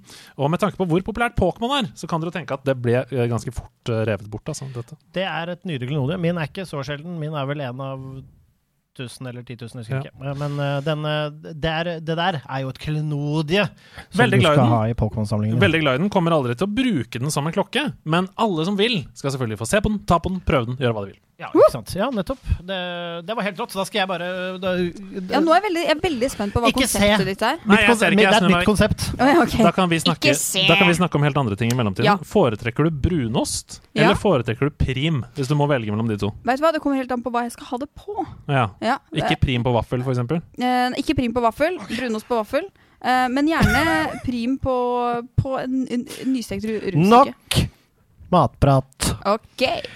Jeg har nemlig bestemt meg for at jeg syns ha-med-dagen det, dette, altså det er veldig flott at vi beskriver ting, men jeg syns ofte at ha-med-dagen ikke har nok for dere der hjemme. Fordi nå er det jo faktisk for en gangs skyld så streamer jo dette live. Ja. Men jeg har gått med for en audiovisuell opplevelse. Okay, jeg Jeg har nemlig tatt med meg den morsomste lyden jeg veit om. Oi, du har tatt med den morsomste lyden du vet om! Ok, Er dere klare? Ja. Er dere klare? Ikke Jeg har tatt med den morsomste lyden. Jeg føler det her blir så dumt. Og det er så bra. Det er ei pipete gås! Jeg har tatt med meg en gøyal lyd til dere på laget. For dere som følger live nå, se nå. Se på den! Ser du hvor intens den er i blikket? Se når den ser på deg nå. Se nå. Bare se på den. Tenk at den er programleder. Følg med nå. Ja, Hva syns du om denne situasjonen i Blizzard, pipete gås? Eh, eh, er du misfornøyd med vilkårene for de ansatte?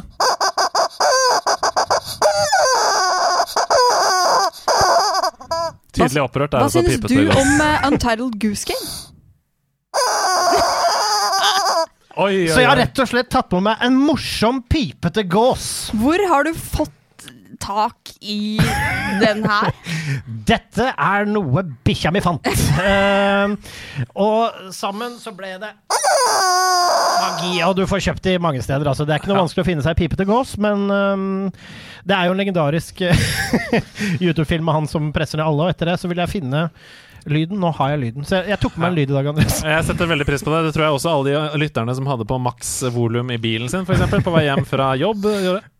Ja, det holder nå. Det holder, det holder nå. Det holder nå. Det skjærer inn i marg og bein. Gjør det det? Eh, tusen takk for flotte ha-med-dager. Vi skal videre. Anmeldelse i nerdelandslaget. Ah, yeah, ah, yeah. Og jeg følger denne anmeldelsen. Den kommer fra min venstre. Den kommer fra hun Ida Dorthea Horpestad som sitter på min venstre flanke. Ok!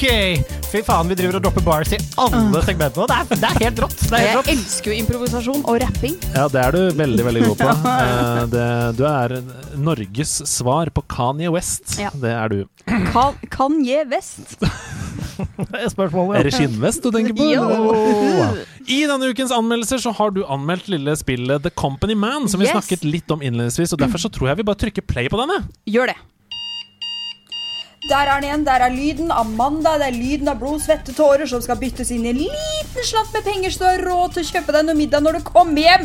Og så er det bare å legge seg, for du er så dritsliten, og så skal du opp igjen dagen etterpå og høre på samme ringetona, og mm, Men jeg er fanga i et evig hjul. Jeg har bare lyst til å, jeg har lyst til å bryte ut. Jeg har lyst til å ta igjen. Jeg har lyst til å, jeg har lyst til å ta igjen. For hvem har vel ikke kjent på det her? At arbeidslivet føles ut som du står opp, hiver deg inn i et hamsterhjul og presser ut noe et eller annet som de andre tjener seg rike på. Hvor deilig hadde det ikke vært å kunne bare klatre i gradene, gå ut av hamsterhjulet og stick it to the man rett i fjeset. Kanskje rett i nebbet, ville noen sagt. Da jeg så at dette 2D sidescroller-plattformspillet skulle komme til Nintendo Switch, så tenkte jeg nå er det bare å clear the schedule. Her skal det spilles. I The Company Man så møter du Jim.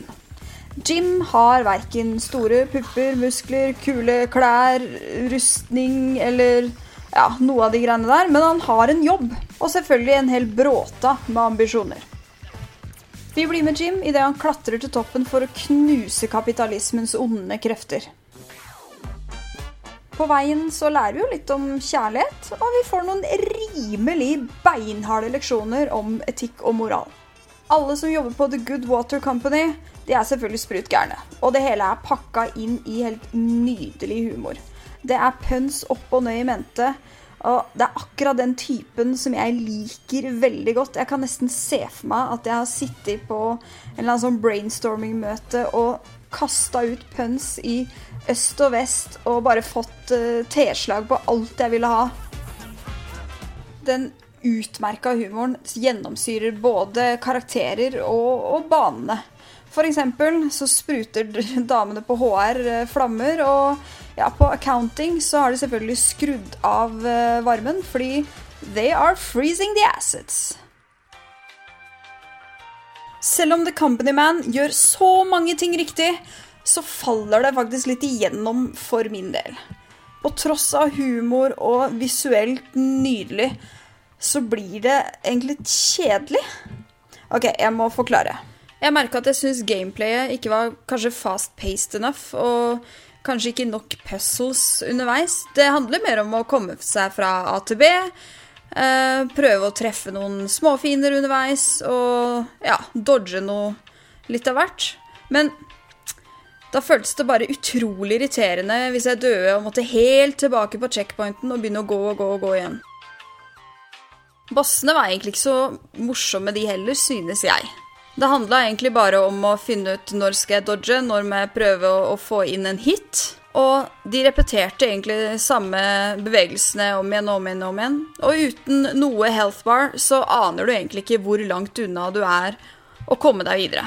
Innimellom alle bossene og gåinga så får vi også et ganske nydelig innblikk i bakgrunnshistorien til Jim, og det liker jeg. Det er noe mer bak denne hevnlysten, det er noe mer bak de ambisjonene, og det gjør at det, ja, spillet får en ekstra liten sjarm. Den skal ha det. Alt i alt så er The Company Man til Switch Det er et spill som kunne vært så sinnssykt bra. Det har så god idé.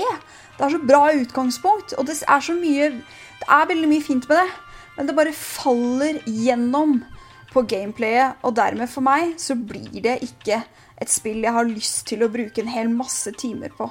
Ikke at det er så veldig langt, men det har Jeg, jeg kjeder meg litt, skal jeg være ærlig. Sorry, Jim. Du får 30 epler av meg. Ja, det var, hva, Ja. hva tenker du nå? Dette er jo første gang vi egentlig kommer inn igjen etter en anmeldelse, men du ba jo spesifikt om det. Ja, jeg ba litt om det. Fordi jeg har eh, Jeg kan jo Altså, ja. Ida. Ord. Begynne. Start på nytt. Fine ord, ja. Uh, Company Man kom ut på fredag. Mm. Uh, jeg har spilt det omtrent eh, kun den tiden. Tusen takk til produksjonsselskapet. Vi fikk Ja, eh, kode Ja, faktisk på spillet eh, via Nintendo, så tusen takk for det. Uh, og jeg ble ferdig i går kveld. Ja. Eh, så jeg har liksom ikke fått veldig lang tid til å på en måte reflektere og sånne ting over det etter jeg var ferdig, men jeg gjorde meg veldig mye tanker underveis. Og- Du ga det jo 30 av 100 da, til de som ikke Det gjorde jeg. Mm. Eh, 30 epler fra denne frøkna. Eh, også, men jeg har reflektert litt over at eh, handler dette Altså dette, Denne anmeldelsen er jo en eh, Hva er det jeg syns? For det Mm. er et, eh, et spill som er en sånn eh, sidescroller 2D-plattform. Og jeg har jo heller aldri vært den som har sittet timevis med Mario heller, eksempel. Men kanskje det er rett og slett er jeg som spiller som Har jeg blitt for eh, blasert? Har jeg blitt for vant til å få bare en hel masse, masse actionsekvenser og masse puzzles hele veien? Uh, at jeg har uh, At jeg ikke klarer å sette pris på et litt Blasert, rett og slett. Mm. Du lurer på om endorfinsenteret ditt er på en måte har fått overdrive? Altså det, Mm. det er for tilfredsstilt av andre opplevelser, så når det kommer en litt mer sånn lavmælt, så, så Mm. sliter du med å sette pris på det? Ja, fordi hvordan, Jeg har ikke lest noen andre anmeldelser på dette. Hvordan legger din anmeldelse av det i forhold til hvordan det mottas generelt? Nei, jeg slakter det jo i forhold til alle andre, virker det som. Som jeg har sett, i hvert fall. Uh, uh, og ja, som jeg nevner i, i anmeldelsen, så har det en god humor, og det ser pent ut. Og, men jeg syns jo jammen meg det er kjedelig å gå, gå, gå, gå. gå. Ja. Og eh, Ja, det ligger, det ligger rundt 70 av 100. Er det noen som sier 60-ish av 100 her? Um, Da er det jo åpenbart en ambivalens, da. Eh, Det pleier det ofte å hvert fall tyde på, hvis det legger seg på sånn midtsjikte. mm. Men hvor mye skal man kreve av en indie-utvikler? Jeg mener at man skal kreve å være underholdt. Jeg mener at Du kan ikke forvente nødvendigvis like påkostede ting. Og hvis de ønsker å lage en 3D-plattformer eller, eller 3D action adventure eller whatever, kan du ikke forvente den polishen. Du kan av noen som har milliarder på bok, men du kan forvente å bli underholdt til lik grad. Vil jeg er si. enig det.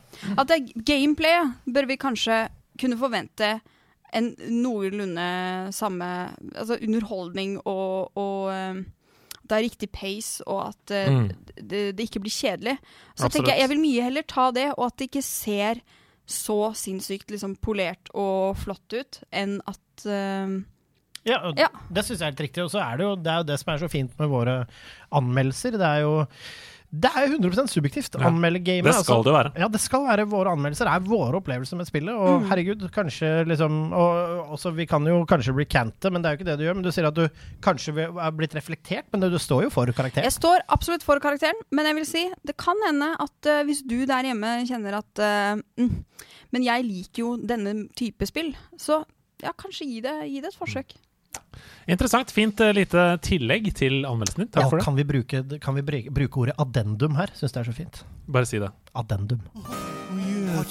Well, actually, surely what you're saying is a balderdash of ox's feces, sausage tissue, urine talk. On, on the contrary. No, no, no, no. I beg to differ! De nerde strides. Altså, I bag to differ er min favoritt. Han ber ikke, han poser om å være uenig. I De nerde strides så kommer en av oss med en kontroversiell mening som vi skal diskutere. Og her er min kontroversielle mening. Jeg er redd for, og jeg syns at det ser mer og mer ut som GamePass potensielt kan føre til kroken på døra for bredde i spillmediet som kulturuttrykk. At vi kan miste mange spillperler. At vi kan få spill som er proppa fulle av mikrotransaksjoner. Vi kan få flere Fifa-aktige spill og færre Florence-aktige spill. Fordi folk ikke er villige til å betale 400 spenn for litt rare spill når de får en hel buffé for 79. Jeg er redd for at GamePass kan potensielt bli danseband og russemusikk. Altså enkle dopaminfremkallende opplevelser, og at vi mister opera og samtidskunst på veien. Eh, og det er ikke spesielt mange støtteordninger i den internasjonale spillbransjen som, som de vi har her hjemme, da, for å bevare spennet i norsk kulturliv. Så min kontroversielle mening er det. Er GamePass bare bra? Jeg øh, kan hive meg på ja, med første innlegg i debatten. Mm. Det må jo sies at her Jeg deler jo mye av frykten din. Eh, Men nå skal vi, her skal det være litt steile fronter. Og la meg heller Da, da skal jeg ikle meg djevelens advokatjakke her. Og jeg er ikke Ja, jeg, altså, la oss, men la oss stå litt steile Ja, fronter, da, for ja. eksperimentets skyld. Ja. Jeg tror også at det det kan gjøre Jeg tror ikke GamePass, hvis du ser hva som er under GamePass nå, og hva GamePass vil tilby, så må man huske at GamePass er jo ikke bare å kjøpe navnet og distribusjonsrettighetene. Det er jo folk som kommer inn. Mm. Jeg tror liksom ikke man skal undervurdere verdien av det, og snarere tror jeg det at det også kan hjelpe små utviklere som får en bit av kaka, inn i sånne ting som dette, til å ta lengre steg, og kanskje adressere ting som, Nine, som eh, Ida nettopp Men har snakket om. nå snakker du om ting som er inkludert i GamePass. Ja. Jeg snakker om ting som er ekskludert fra GamePass. Ek, ja, ja, men, men, Som trenger å selge x antall eksemplarer for å overleve, og som folk da ikke er villige til å kjøpe fordi de har et abonnement som koster 79 kroner. Det tror ikke jeg. Fordi jeg altså, altså, Eller jo, jeg tror jo kanskje, men det er sånn jeg mener. Poenget her er at selv om Netflix har masse filmer, så er du villig til å leie en film eller å gå på kino og se en film som ikke er på Netflix. Men man, etter at Netflix kom, så kjøper, leier uh, leier jeg mye færre filmer enn det jeg gjorde før. Ja, men de filmene du har lyst til å se som ikke er på Netflix, de leier du.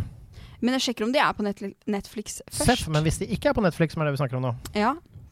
leier du det da? Eller er det sånn Next! P- Potetfix! Jeg sjekker om det er noe annet jeg også vil se, som jeg heller kan se gratis.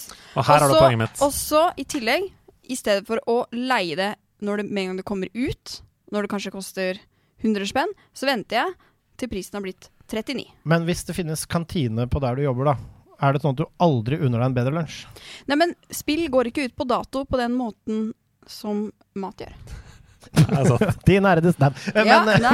Nei, men, nei, men jeg, jeg, jeg, ser, jeg ser poenget her, men jeg tror også at hvis ideen din er god nok, og hvis konseptet ditt er bra nok og da, altså jeg, tror du vil ha, jeg tror du vil ha muligheten som en tredjepartsutvikler. Jeg tror også at Altså, i en jungel, da. Jeg tror nok vi vil se mer og mer strømmebasert.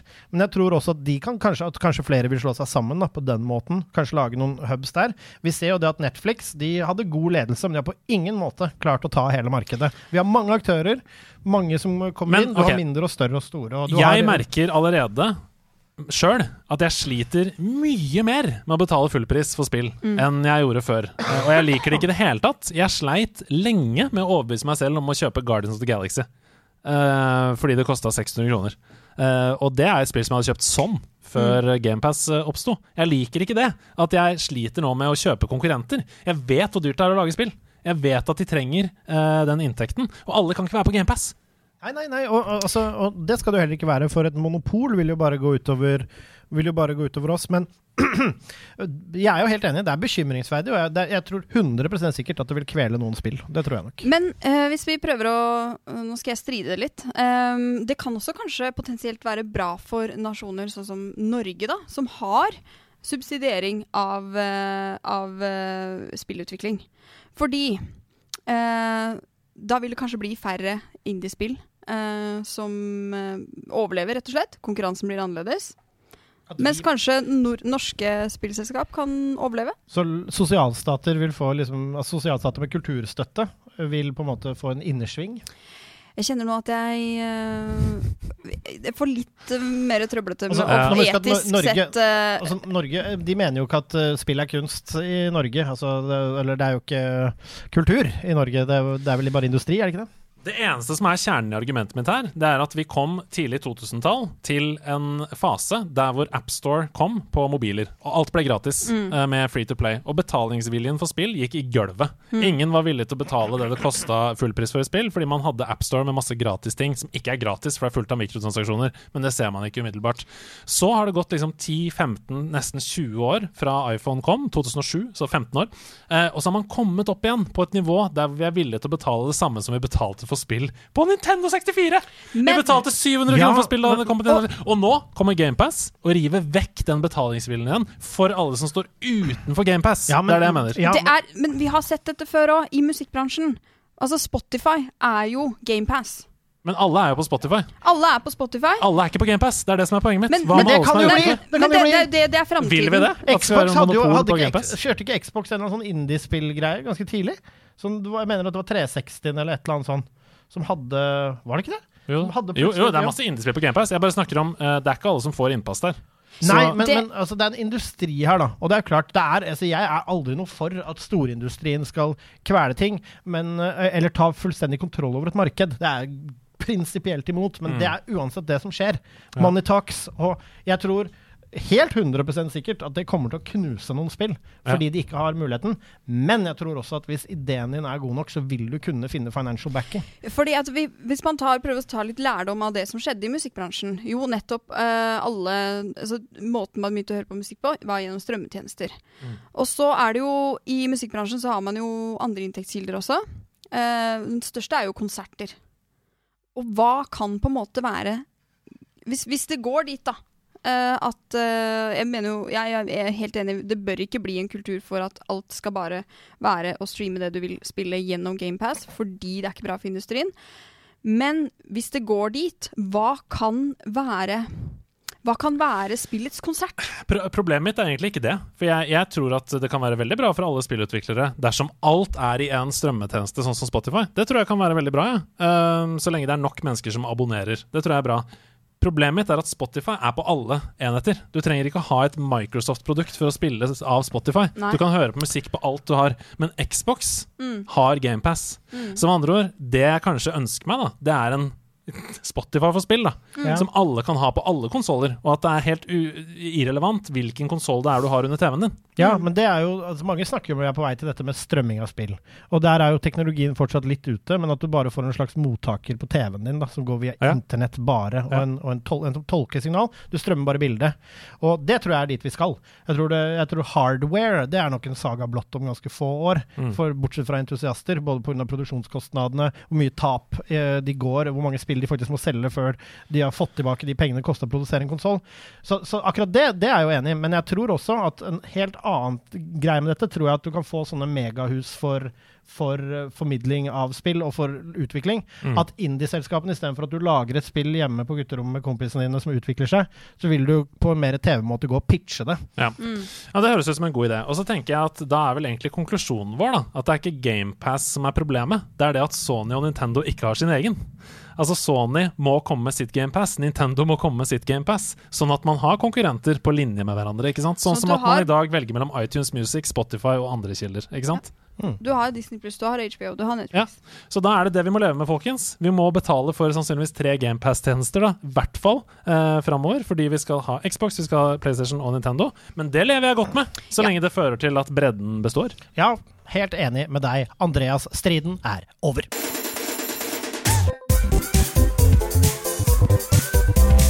Karakterkortet. Det stemmer. Vi skal inn i skolegården. Eller skal vi inn på eksamensrommet? Det er Ja. det vi skal. Ja, det er det vi skal, men én ting er i hvert fall sikkert. Da klokka uh, klang så fort Ida Horpestad sprang. Oi, oi, oi! Og det har kommet meg for øre at du skal rett og slett utfordre en tidligere uh, Hva skal jeg si? spaltist i denne spalten. Yes. Det er tidlig i, i konkurransen, Ja, det er men eh, jeg tidlig. klar. det er veldig tidlig. Jeg kjenner jeg angrer litt nå. Men, eh, Hvem men er det du skal på. utfordre? Hvilken karakter skal du Jeg skal opp i Link.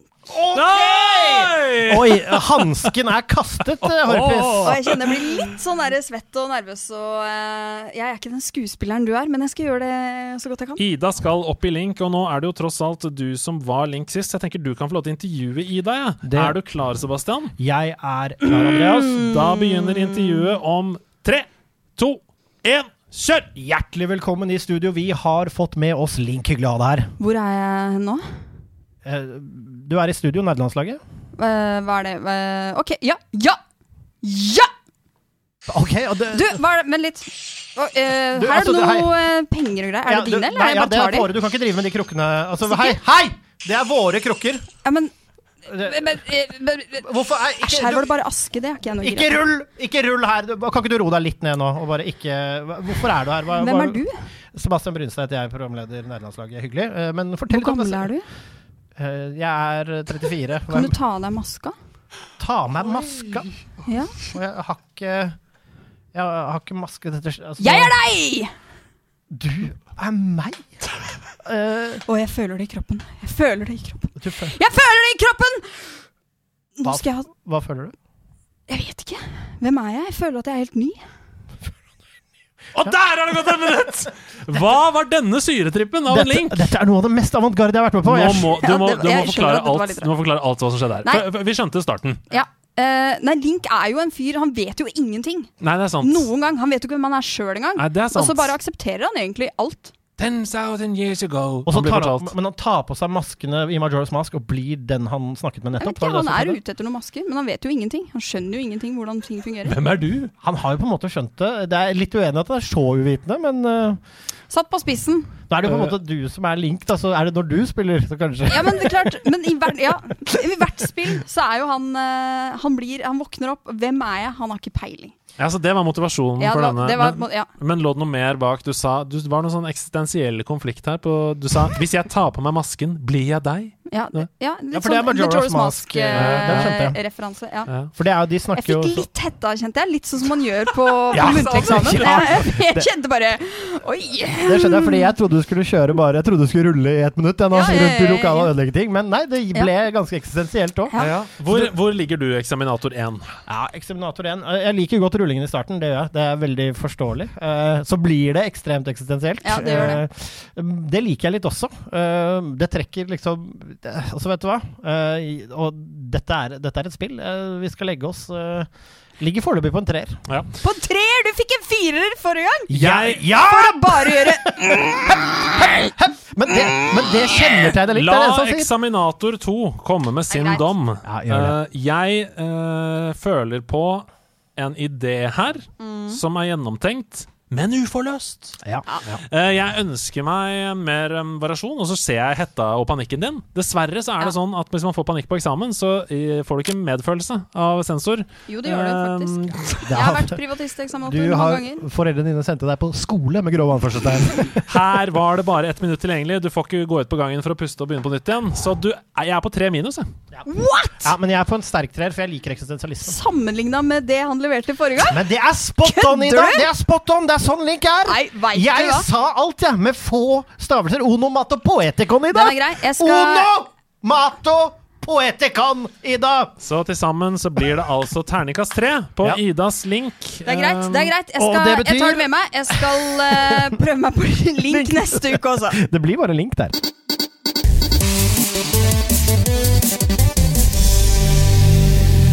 Fotball, fotball, den er sendt inn av Roy. Mitt navn er Andreas Hedemann, og dette er Nerdenytt. Fordi ingen andre redaksjonelle medier ønsker å snakke om det i sine kanaler, så får vi snakke litt mer om det selv. Nerdelandslaget har som første podkast i Norge kjøpt seg inn i et annet selskap. Det er som nevnt tidligere House of Nerds her vi sitter i dag, og det samarbeidet det skal bære frukter i form av arrangementer, som f.eks. quiz med Hasse, bingo med Ida, konsert med Fark, liveinnspilling av Nerdelandslaget og mye, mye mer. Endelig har Nerdelandslaget fått vår egen hjemmebane. Den heter House of Nerds og ligger på Grünerløkka i Oslo, og fører forhåpentligvis til at enda flere får øynene opp for spillmediet. Du er hjertelig velkommen på besøk. Lego Star Wars The Skywalker Saga har etter utsettelser og lite kommunikasjon endelig fått en utgivelsesdato. Samlepakken kommer til PC, PlayStation 4, PlayStation 5, Xbox One, Xbox Series XX og Nintendo Switch den 5. april. Det skriver gamer.no. I spillet så spiller du deg gjennom ni forskjellige Star Wars-filmer med et mer presist siktesystem og et nytt kombobasert angrepssystem. Det som ikke er nytt, det er humoren som både Lego-filmene og Lego-spillene er kjent for, og den blir det forhåpentligvis mye mer av. 5. april er altså, 11 dager etter verdens første Kirby-spill i 3D og Tiny Tinas Wonderlands den 25. mars. Phil Spencer hos Xbox gikk i forrige uke ut for å berolige Call of Duty-spillere på PlayStation med denne meldingen. Had good calls this week with leaders at Sony. I confirmed our intent to honor all existing agreements upon acquisition of Activision Blizzard and our desire to keep Call of Duty on PlayStation. Sony is an important part of our industry and we value our relationship. Om det i virkeligheten er en beroligende tweet, det gjenstår å se, for ved å skrive 'Our desire to keep Call of Duty on PlayStation', så bereder man i mitt hode grunnen for å kunne si senere 'Vi kom dessverre ikke til enighet med Sony om en avtale der vi strakk oss langt for å oppfylle vårt ønske om å få Call of Duty på PlayStation'. Så får vi se om jeg har rett, eller om PlayStation-spillere også i fremtiden kan kose seg med Call of Duty. EA er angivelig veldig skuffet over hvordan Battlefield 2042 har prestert kommersielt, og ser på alle alternativer når det kommer til hva de skal gjøre med spillet. Dette inkluderer å se på ulike måter for å gjøre spillet free to play til en viss kapasitet. Det skriver spilljournalisten Tom Henderson på Twitter. Spillet er en skuffelse og nedtur for mange Battlefield-fans der ute, og har slitt med bugs, utbredt juks i multiplayer-delen og andre hiccups etter lansering. Tom Henderson skriver videre at han rådfører seg med analytikere, advokater og utviklere utvikler i disse dager for å komme tilbake senere med en sak som gir oss svar på spørsmål i stedet for flere spørsmål, så vi får smøre oss med tålmodighet og se hvor veien går videre for Battlefield 2042. Og apropos Battlefield 2042, problemene fortsatte for spillet i forrige uke da den etterlengtede zombie-modusen de slapp, ble trukket etter kun én dag! Av mangelfull testing av modusen viste det seg nemlig raskt at den kunne brukes til å farme XP i langt større grad enn hovedspillet, noe som ga en rekke spillere urettferdige fordeler. Det skriver pressfire.no. Justin Wieb, designdirektør hos et av studiene som jobber på Battlefield 2042, gikk ut på Twitter og unnskyldte seg. Jeg skal være helt ærlig, dette skulle ikke ha sluppet gjennom testfasen vår. Battlefield 2042 må gjøre noe drastisk dersom spiralen de er inne i, skal snu. Vi skal til ukens hovedsak, og ukens hovedsak den er så ufattelig kos. Fordi jeg tror faktisk at bønnene jeg ikke visste at jeg hadde, er hørt. Har du, har, du, har du bedt uten å, Uten å få svar. uten å bønne? Ja. Uten å be. Ardman Animations, som er selskapet bak Wallis and Gromit, de utvikler nemlig et open world-spill basert på en de kaller ny, original IP. Oi! Eh, Det kan jeg like. og det, det fremgår like. av stillingsutlysninger som de har lagt ut. Spillet vil fokusere på oppfinnsom mekanikk og overbevisende karakterer, og beskrives som et mad open world game in the action adventure genre. ja. Det høres ut som uh, jeg skal clear my schedule. Ja, Videre så beskriver disse stillingsannonsene som er lagt ut, da, fantastiske, morsomme, overraskende og varierte karakterer med dyp law, og at spillet har et narrativt fokus, og den samme humoren, kjærligheten og håndverket som Ardmans animasjoner har blitt kjent for. Og her kommer toppen av kransekaka, for på slutten av 2020 så annonserte jo Ardman at de hadde slått seg sammen med Bandai Namco Holy for å utvikle en splitter ny IP. Og i den pressemeldingen der så ble det samme spillet brukt til å beskrive spillet. Som med andre ord, det samme språket, mener jeg. Som med andre ord så får vi altså et spill laget av Wallace and Gromit-studioet i samarbeid med eierne av Dark Souls, så Tekken og Pacman. Det her er så rått, det. Ok, nå eksploderer hodet mitt, men, men Og da er spørsmålet mitt til dere! Dette er spørsmålet til ja, ja. Hva ønsker dere dere i et sånt claymation-aktig animert open world-spill som kombinerer action-adventure fra Dark Souls og morsomme karakterer à la Wallace and Gromit? Altså, jeg, jeg, Shaun the Sheep. Shaun the Sheep. altså, men umiddelbart så tenker jeg jo på Clayfighter, som er, hvis dere husker det gamle klassiske Super Nintendo Ja, sånn. Clayfighter, ja. Det var jo et sånn claymation, clay animation-spill. og bare i den tiden husker jeg hvor fett jeg syns det så ut med hvordan stansene var, og hvordan det funka sånn.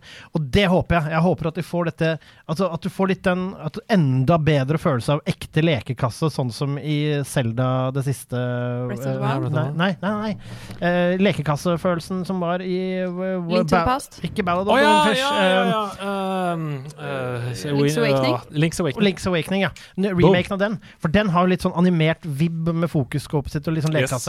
Jeg, håper på, jeg håper på noe uh, tredjepersonsorientert i det universet med liksom eh, morsomme karakterer og sånn, og så håper jeg på eh, jeg, jeg håper rett og slett at det er eh, litt sånn fighting, realtime fights, med at armer kan strekke seg, og du kan få fete ting som du kan gjøre med plastelina. Jeg håper de liksom bruker animasjonen for det det er verdt. da. Mm. Jeg håper på en slags uh, blanding av uh, Breath of the Wild og Pokémon. At vi Mm. får uh, gode puzzles, et kult open world-greie med hvor ting ser fantastisk ut. Og det er puzzles, fights, boss fights, men at det også er et univers av karakterer som vi kan bli skikkelig glad i. Ja. Og bruke at vi lager et team, da. Og The Great Clayscape skal det hete. Oh! oh! Åh, pass deg for Claymores! Eh, Er det, er det Clayman? The Clay Oh! downloadable content!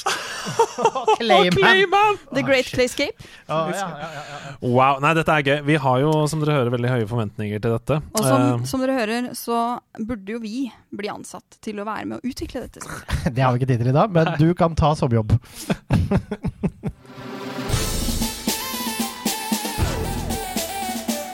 Gå lydplanken! Ah, din ramsalte Doris! Du, du ligger her oppe på dekk og skal gå lydplanken, se! Ja, ikke ikke hvis, ikke hvis det er opp til meg å bestille. Where's Big Rock? Hva med deg borti hjørnet der, piraten Dodge? Velkommen til skipet mitt. Oh, det er ditt skip, ja! Oi, kaptein mytteri på første setning! Oh, ja. Wow, jeg trodde det var mitt skip. Mytteri myttera. Hoho! Salami, salama. Uh, vi skal spille Gå lydplanken, vi. Et, uh, musikk, uh, en musikkonkurranse der hvor jeg spiller av tre. Det kan være lydeffekter, det kan være musikk fra forskjellige spill. Og så er det også et oppfølgingsspørsmål knyttet til eh, dette musikkstykket vi skal høre. Eh, og for hver gang en av dere tar feil, så må dere tråkke ett steg fram på lydplanken. Og den som taper, den må gå lydplanken ut i musikkmyra og bli spist av G-nøkken. Åh, Ja, jeg håper du har på deg badeslippers. Du trenger, ja, det har jeg faktisk på meg, fordi tar du av deg før du er på brygga. Du har tatt av deg dine og står ute på planken, ikke sant? Her går det vilt for seg allerede. Det er verdens dårligste smacktalk. Ja da. Jeg har på meg brodder. Jeg står fast i tregulvet. rett, på, rett på føttene. Brodder rett på føttene. Ja. Um, jeg kommer altså i, i musikkdelen, lyddelen, så er det førstemann til å rope navnet sitt. Uh, I uh, oppfølgingsspørsmålet så får dere instrukser for hver gang. Så først kommer det altså første oppgaven her. Husk å rope navnet når dere hører hvilket spill vi skal frem til. Uh, er dere klare? Ja. Husk at du skal rope Roy. Nei, fotball. Fotball. Det er sendt inn av Roy. Jeg, jeg skal rope Sebastian. Da er det konkurranse. Okay.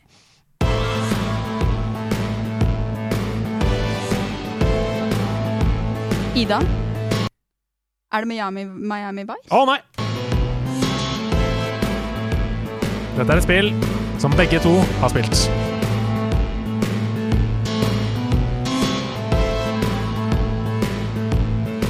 Sebastian? Er det Hotline Miami? Det er det ikke, men det er godt tippa. Jeg kan si at vi er dette, dette er musikken til en location i spillet. Ida! Det er Borderlands. Tre. Og ikke Det er det Borderlands? Tre. Det er, i den, det er den derre uh, dungeon fight-greia. Nei Det er Borderlands To. Det er Borderlands 2! Det er Borderlands 2, men det er på Mad Moxie sin bar Ja, ja, ja, ja, ja, Oh. I Sanctuary. Foxy Moxie. Ja, og det er sånn, Du hører at det er sånn utestedfilter Ja. på musikken. Det er liksom litt i bakgrunnen, fordi du står der og snakker med liksom Ja. Gratulerer! Takk. Ett poeng på Borderlands 2 der. Her kommer oppfølgingsspørsmålet. Eh, og her er det uh, førstemann til å rope navnet sitt. Borderlands 2 er jo stappa med referanser. Men i en hule nordvest på kartet, i Caustic Caverns, så finner man en fiende som er direkte hentet fra et av verdens største spill. Hvilken fiende er dette? Hvilket spill skal vi fram til? Sebastian! Ja? Er det en Deathclaw fra Fallout 4? Nei da, det er ikke det. Shit. Ida, Ja. er det noe fra World of Warcraft? Nei da. Hmm. Det er på en måte mange måter noe som du med en gang forstår at det ikke hører hjemme i dette universet. Ai, ai, ai. Den Er det, er, er det en boss, eller er det en Det er en helt vanlig mobb, altså en helt vanlig Ja. fiende. Som er direkte hentet fra noe annet, og som vi skjønner med en gang ikke hører hjemme i dette universet. Mm. Eh, altså Fra et annet Hva kan Er det Ida? Ja. Det er ikke en Pokémon, eller Nei da, det er ikke det. Ah, jeg føler at det her Men eh, Caustic, kan det være et hint av Ida? Caustic ka- Kaustisk Kaustisk Ida, er det noe fra Minecraft? Det er riktig! Ja, det er en sånn, enten en Slenderman eller en sånn grønn. Det er riktig, det er en creeper, Creeper. fra Minecraft Ja, som er der. Eh, veldig bra, Ida. Da får du ett poeng på det. Det er 2-0. Jeg må lukter slutte å hinte. Alger? Ja, du må slutte å hinte, Sebastian. Ja, Nå er du på vei til å altså, tape. Du må gå to steg fram på lydplanken. Altså, jeg liker å gjøre det spennende. Ta- Kom nå! Jeg kommer nå! Her kommer neste oppgave. Rop navnet når dere vet hvilken, hvilket spill vi skal fram til. Ida! Eh, det er Mikkes Wild Adventure. Det er riktig! Det er så lett. Det er så lett. Det er det vel. Hvordan du sa det! Jeg blir ikke rusa, jeg, er. Ja, Herregud, det er en av de beste spillene som er laget på Sega Mega Drive. Det er jo det. Fantastisk. Ok. Ja. Um! Take that! i, Get out of the way, you big bully! I neste oppgave Jeg blir knust, så skal uh, dere gi et svar hver. Okay. Og, og så er det den som er nærmest, som uh, vinner svaret. Og da skal du få svare først, siden du klarte oppgave én. Jeg, jeg, jeg bare må si det med Jeg føler meg som Brasil på hjemmebane når de møtte Tyskland. Åh, oh, Åh, det er vondt. Mickey's Wild Adventure det er jo en port av spillet Mickey Mania. Det er helt ukjent hvorfor spillet har en annen tittel, men i hvert fall i disse to spillene så spiller man seg gjennom klassiske Mickey Mouse-tegneserier gjennom historien. Fra 1928 til 1990. Hvor mange ulike tegneserier, eh, eller baner, da, spiller man seg gjennom i Snes-versjonen av spillet? Altså, hvor mange baner er det i spillet, Sebastian? Ja, det er uh, Stimbo Willy. Det er uh, den elgen som jager Pluto. Eh, nei! Den lurer jeg på om ikke er i Snes, men nå må jeg bare si det. jeg tror. Uh, en, to. Det er den. Og så er det helskrudde Professorens kontor. Det er Spøkelseshuset og Er det fem? Du svarer fem. Ja. Hva sier du, Ida? Steamboat Willie, The Mad Doctor. Og så er det um, uh, Moose Hunters. Og så er det eh, den derre fe- eh, Mickey and the Beanstalk. Og så er det uh, Ghost-greia. og så er det uh, han uh, um, fattiggutten og prin Prince and the Popper. Um, men jeg tipper at Hvorfor er du Mikke Mus-spilleautist? Du kan alle tingene! ja, Det er ikke pent å si. Jeg trenger det. Ok, Men det er sikkert noen av de her som ikke er med. Og da tenker jeg at det er uh, Hvor mange gjetta du? Nei, det får du det kvitte. Hvor mange gjetta han? Uh, Du må følge med i konkurransen. Ja. Hvis du skal få Jeg gjetter fire. Du gjetter fire. Ja. Riktig svar er seks! Så det går, Så poenget går til Sebastian. Det er viktig, I- men jeg på- tror det er for seint. På Sega-versjonen så er det nemlig syv baner. Oh, ja. Eh, men i Super Nintendo-versjonen så er ikke The Band Concert Den er ikke med i Super Nintendo, så det er bare seks på Super Nintendo-versjonen. Ja, for det var en som ikke jeg trodde var Moose Hunter som ikke var med. ja, nei, Som du- det er, eh, så det betyr at det er 2-1. Og i den siste oppgaven her Er så er det altså eh, Jo, det er 3-1. Ja, ja. I den siste oppgaven her så er det mulig å få Hvorfor tre poeng. Jeg er så dum i dag. Det er mulig å få tre poeng i den siste oppgaven. Oh, yes! Så det går fortsatt an. Oi, Akkurat som i alle andre konkurranser i underholdningsmediet. Nei, men du, har, du har knust meg, men jeg kan fortsatt vinne. Det er litt sånn bit for bit-aktig. Ja, Vi skal nå høre en cover av en sang. Jeg er ute etter først hvilken sang det er en cover av, og eh, B hvilket spill den er hentet fra. Spiss ørene.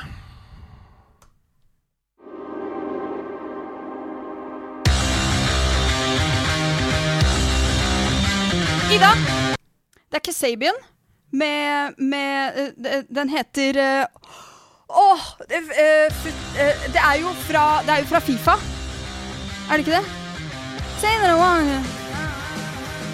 Ja. Det, uh, Det er Kasabian, du har helt riktig. ja, det er Kasabian. Men hvilken, hva er låta til Kasabian?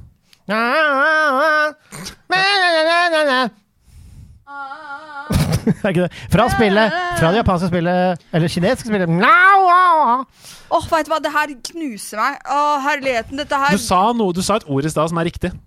F- uh, Ja, og øhm, um, uh, f- Foot Det er, det er Clubfoot, så du skal, Ja. få, du skal få riktig der. Kasabian med Clubfoot er låta. Og, um, du sa jo navnet ditt først, så hvilket spill er den hentet fra?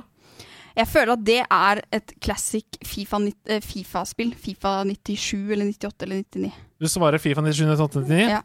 Jeg må ha mer spesifikt enn det, så hva svarer du? Du forstår jo nå at det er Fifa, selvfølgelig. ja, ja, ja. Jeg bare prøver å gjette ville, men jeg husker fader for ikke for Altså, jeg ville gjette Fifa 2001. Du sier 2001. Det er Fifa 13! Det betyr jo at du er jo nærmest! Ja. Så det blir jo ett poeng på hver i denne her. Og her kommer oppfølgingsspørsmålet som skal avgjøre hele konkurransen. Fifa 13 har tiårsjubileum i år. Dette er ikke førstemann. Det er nærmest, så dere kan senke garden.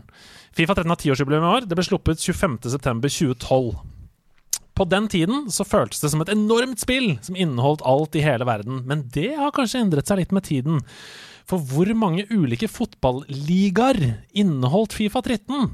Og da tenker jeg på hvor mange spillbare ligaer, altså Premier League i England, Tippeligaen i Norge, som det het da, heter Eliteserien nå, het Tippeligaen da. Hvor mange spillbare ligaer fantes i Fifa 13?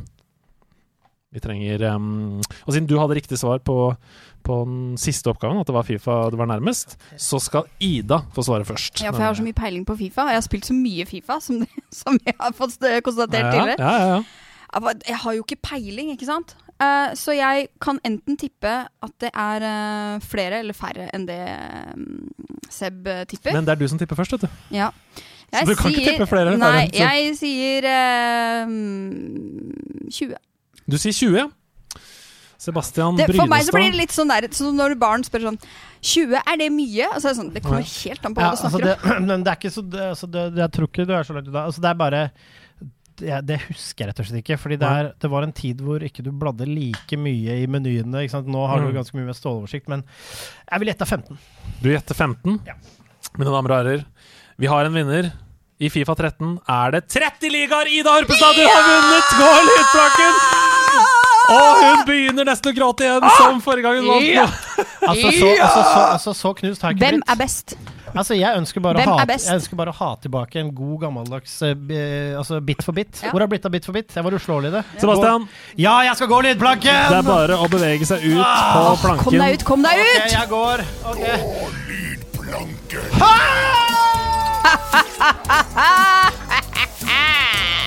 Da er Swim among the fishes, you loser! Taste the algae! Sebastian er spist av uh, G-nøkken. Ah, det var godt. Eh, og det betyr at vi er alene resten av sendingen. Nei da! Han spytta meg rett ut igjen! Radioteatrets kraft. Vi skal videre, vi! Vi har fortsatt ikke fått tak i noe kamera 4, som vil si at dere som er på Twitch, dere ser ikke den enorme korktavlen som henger bak oss her. Um, Er ikke det, det finnes ikke en linse vid nok til å ta hele uansett. Nei, det er sant, så vi har rett og slett bare innsett at det får vi ikke til. Uh, I hvert fall ikke i nærmeste fremtid. Men vi er like fullt i korktavlen. Og Ja. hver gang jeg Nå har jeg begynt å legge inn dette på Instagram. At det er sånn, dette skal være så, Og det renner inn med spørsmål, altså. Og det er gøy. Det er veldig Ja, gøy. se, vi må bare ta en liten sånn lynrunde først her. Andreas han skriver Hei sann dere, har dere fått prøvd den nye Switch OLED? Og hvis ja, er den verdt å kjøpe? Nei. Nei, den er jo ikke det. Altså, Hvis du har en vanlig Switch, så er den ikke verdt å kjøpe. Hvis du ikke har en Switch, så har det aldri vært en bedre utgave av Switch enn den som finnes nå. Jeg, jeg, jeg, altså, jeg har ikke prøvd den, så jeg vet ikke. Og jeg eier ikke en. Men øh, jeg skal se content som den gjør ganske mye bedre, for jeg mener den er verdt å kjøpe. Og så tenker jeg det handler litt om om du har tenkt å spille håndholdt, eller om du har tenkt å spille på TV-en. For da har det vel egentlig ikke noe å si. Nei, den har jo noen eh, oppgraderinger eh, innmatsmessig også. Ja. Men, eh, men jeg er helt enig. Um, Hvis, Ja, hvis. Breath of the Wild 2 Hvis det er sånn dette spillet kommer til å være liksom 30% bedre opplevelse på den, så ville Da, jeg kanskje vurdert ja, det, da tror jeg Eh, faktisk jeg ville vurdert det. ja, det kan jeg for så vidt være enig i. Samtidig så er jeg en fyr som koser meg med på en måte Megaman. Eh, så det har aldri vært så veldig veldig viktig for meg, de tingene der. Um, jeg personlig må si at jeg har prøvd begge. Og hvis du eier den første, så er det ikke noe vits i å oppgradere. Men hvis du skal kjøpe deg nå, så er det i hvert fall ikke noe vits i å kjøpe den første. Det, det er i hvert fall min. Og jeg er såpass utstyrsfrik at det plager meg, så tror, tror jeg kommer til å kjøpe en. Solgt den gamle. Eh, CHR Finni han skriver Dilemma. 50 000 rett inn på konto, eller spille Elden Ring umiddelbart? 50 000 rett inn. Åh, det er vanskelig. Eh, når er det det kommer igjen? Når, når, det er eh, slutten av en måned til. Slutten av februar. måned til. Jeg skulle klart Hvis du går hjem fra hva, er sending nå, det er såpass mye games. men du er den eneste i verden, da. Det er ingen andre som får lov å spille det, bare deg, i en måned. Men du har, ikke, fått- du har sikkert ikke lov til å spoile noe Det er, jeg hadde blitt så god i PVP. Det er veldig vanskelig, men 50 000 er mye Turtles-figurer. Ja, det er det, det er det.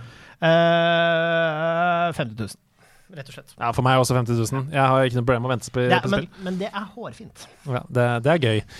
Pokerfrik han skriver Hva tenker dere at Sony burde gjøre videre for å kunne ligge på linje eh, med Xbox i fremtiden? Og det har vi vel allerede sagt. Ja. Skaff deres egen GamePass. Helt riktig. Nå er det bare å show up or ship out. Og det tror jeg kunne blitt utrolig populært. Mm. Det var dårlig, dårlig begrep fra meg. Booger89 han spør Er det postmester Ida som pakker og sorterer all nerdelandslaget-merch. Oh. I, un, altså, I Lauren så er det jo det. Ja, det I er det. Lauren så er det Ida som står og pælmer. I virkeligheten er det. Andreas Hedman som driver en Camilla sweatshop hjemme på bruket. Men Det i er- Lauren så begynner jeg å gro Det har begynt å gro to ekstra armer. Ja. Faktisk. Nei, men Det er Camilla som står for det, og hun gjør en kjempejobb, så applaus til Camilla. Applaus Camilla. Camilla, applaus. Eh, Makaronimannen han spør klatring i spill, yay or nay? Yay. Yay. Ja, Ikke når det regner i Zelda Breath of the Wild. Nei, nei. Ja, Nei. Men generelt, eh, jeg syns det er Du får jo tilgang til så mye mer område.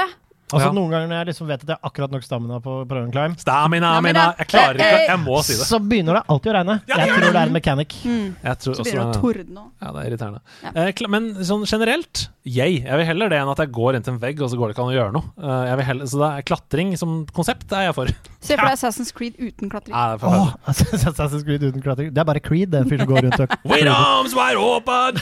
Det er Assistant Creed. Creed. Oh, Sebastian! Creed! Ja, det var helt riktig. Ja, yes.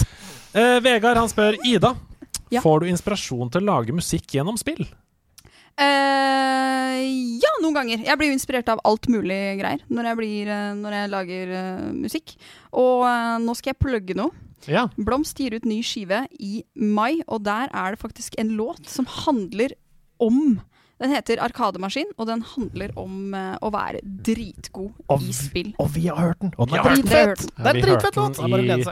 Vi hørte den i bilen på vei ned til Komplett. Beste sted å høre musikk! Ja, det var veldig gøy. Det var veldig gøy. Ikke, Så, altså, ikke, ikke Hvaler, altså, men i, i bilen. Ja, bil. Så tydeligvis ja.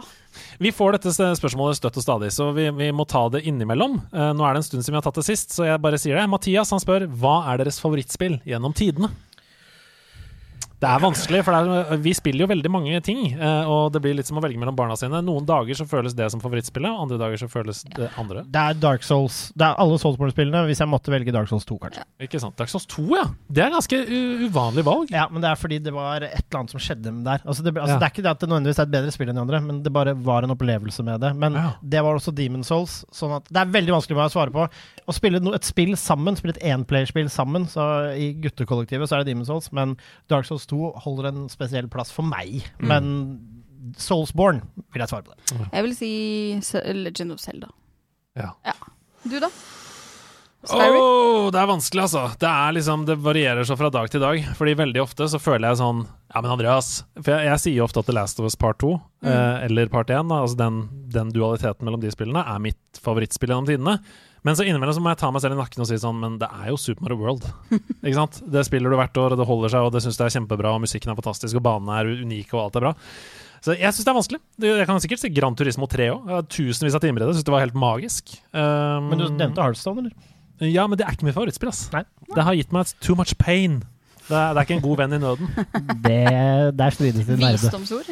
Ja. Eh, hvis jeg må lande på noe, så blir det The Last of Us Part 2. Men det er gøy å, å variere litt svar òg, er det ikke det? Ja, det er litt sånn uh, hipp som happ med noen av disse. Hei, kjære landslagskollegaer. Åh, Er ikke det fint? det er veldig fint. for det er det vi er. Det er det vi er. Vi er et lag. Gaming er en viktig del av livet mitt. Det har hjulpet meg gjennom, gjennom depresjoner. Det har hjulpet meg gjennom tunge perioder. Nå har jeg truffet en jente som jeg har det så bra med. Men hvordan skal jeg forklare henne på best mulig måte at gaming er viktig for meg? Spill, Kjøttet går. Hilsen Jan Erik. Ok, kjøttet spill går. It Takes Two. Ja, spill det sammen, ja. Vet du hva? Ja. Jeg tror det skal du bare legge på bordet med en Ja. eneste gang. Jeg tror du bare skal si det, at uh, en av mine uh, hovedinteresser er gaming. Mm. Uh, og så tror jeg også du skal gå langt i å ikke la det styre livet ditt totalt. Men her er det jo give and take. Nå er ikke jeg noen love-guru på noen som helst måte, men jeg tror en viktig del av det er at du kan ikke legge fra den hobbyen. Der må du være ærlig. Og hvis det stilles et krav for at du skal legge fra deg noe av det du er mest glad i, så må du ta det regnestykket. Eh, men jeg Men tror hvorfor bare er det liksom på en måte Hvorfor trenger det å være et problem? Ja det er det jeg trenger litt ikke være et eh, problem i det hele tatt. Nei, men bare vær ærlig. Bare si det. Og Ja. Du må være ærlig. 'Dette er meg, jeg elsker gaming.' Og så må du, altså Hvis du bare spiller World of Warcraft uh, i hvert levende våkedøgn, så er det klart, da burde du si det. Eller kanskje gi litt tid til ennå, er det jeg mener. Men Ja, for fordi det er veldig sunn- egoistisk. Det er det Ja. jeg mener. Man, man skal jo få ta folk inn i livet sitt, ikke sant? Ja, nettopp. Men jeg tror du kommer i hvert fall ingen vei med å bare være beint ærlig på hva du liker å spille, hvorfor du liker å spille, og hvor mye du har behov for å spille. Og så tenker jeg gaming er en fantastisk ting å ha som en hobby, fordi det kan være noe som en aktivitet dere kan dele. Mm. Ja, inkludering er vesentlig. Ja, det er kjempeviktig å inkludere. Og så tenker jeg også sånn um, Dette går jo begge veier. Mm. Fortell henne hva som er viktig for deg, og spør hva er viktig for deg. Mm. Og prøv å ta del i hennes hobby også. Jeg har en, og tenk om hun sier sånn Jeg må bare si en ting. Nå har vi liksom data litt og sånn. Jeg gamer masse og er, altså, er nerd, liksom. Og er på nerdelandslaget og lever og pusser game. Hun bare Jeg også! Hun bare Hun ser bare, på han, blir helt stille, og sier 'kjøttet går'. Å, shit! Spillefilmen! Kjøttet går! Sp the movie! Åh! Det, altså, Het omfavnelse, og det blir til ett. Og det er hjertekjøttet åh, går. The Holiday 2. Kjøttet går. Kjøttet skal på ferie. Jeg gleder meg til å se Drew Barrymore si 'kjøttet går'.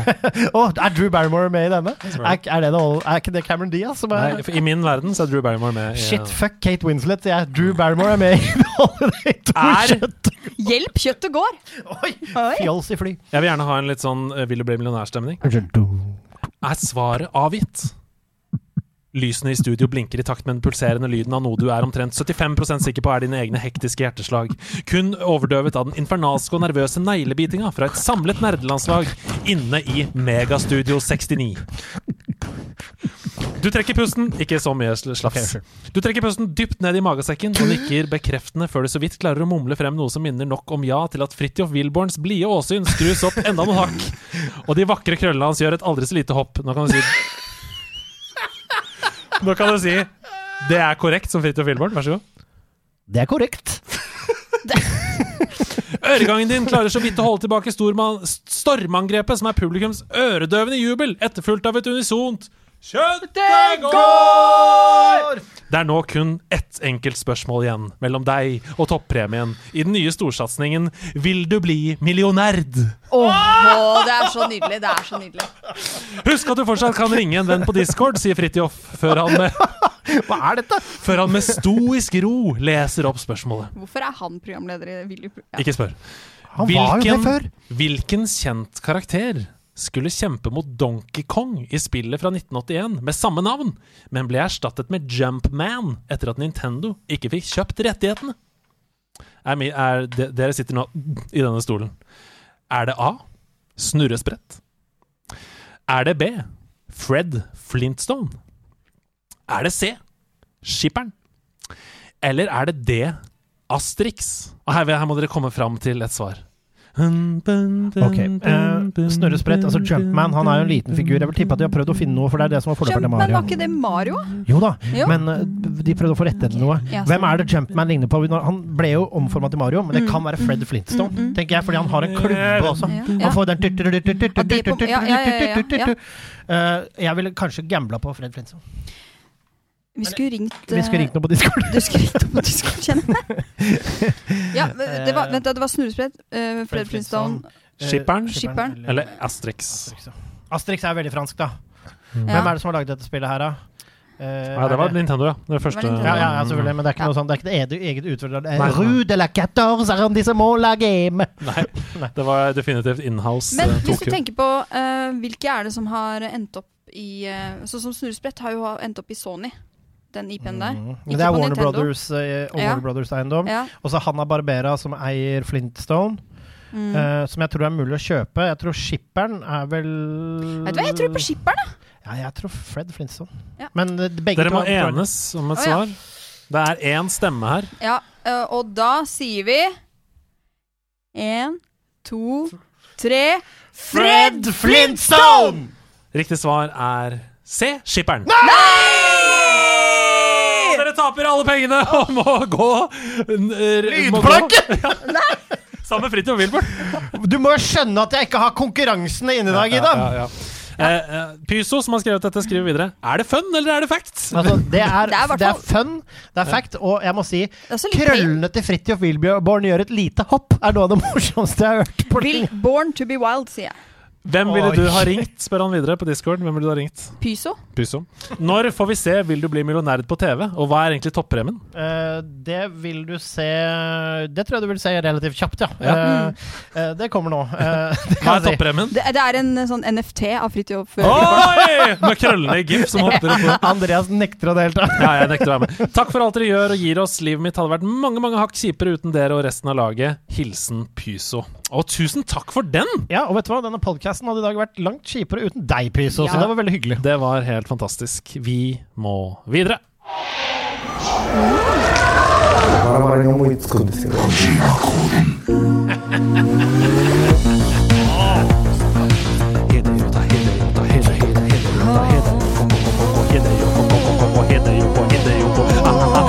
Hideo Kojima min Mario.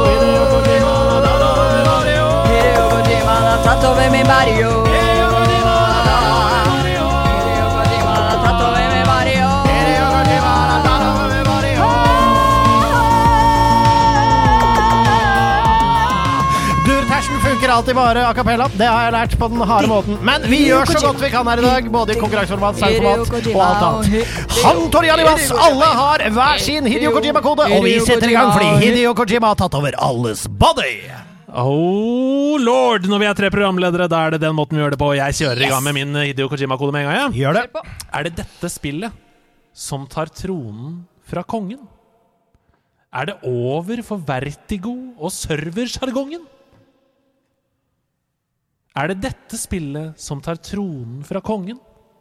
Er det over for Vertigo og serversjargongen? Oi, dette høres ut som noe massive uh, multiplayer online Eh, Ja, MMO-opplegg. Noe et eller annet her nå, ja. Er det dette spillet som tar over? for Er det slutt for Vertigo? Nei!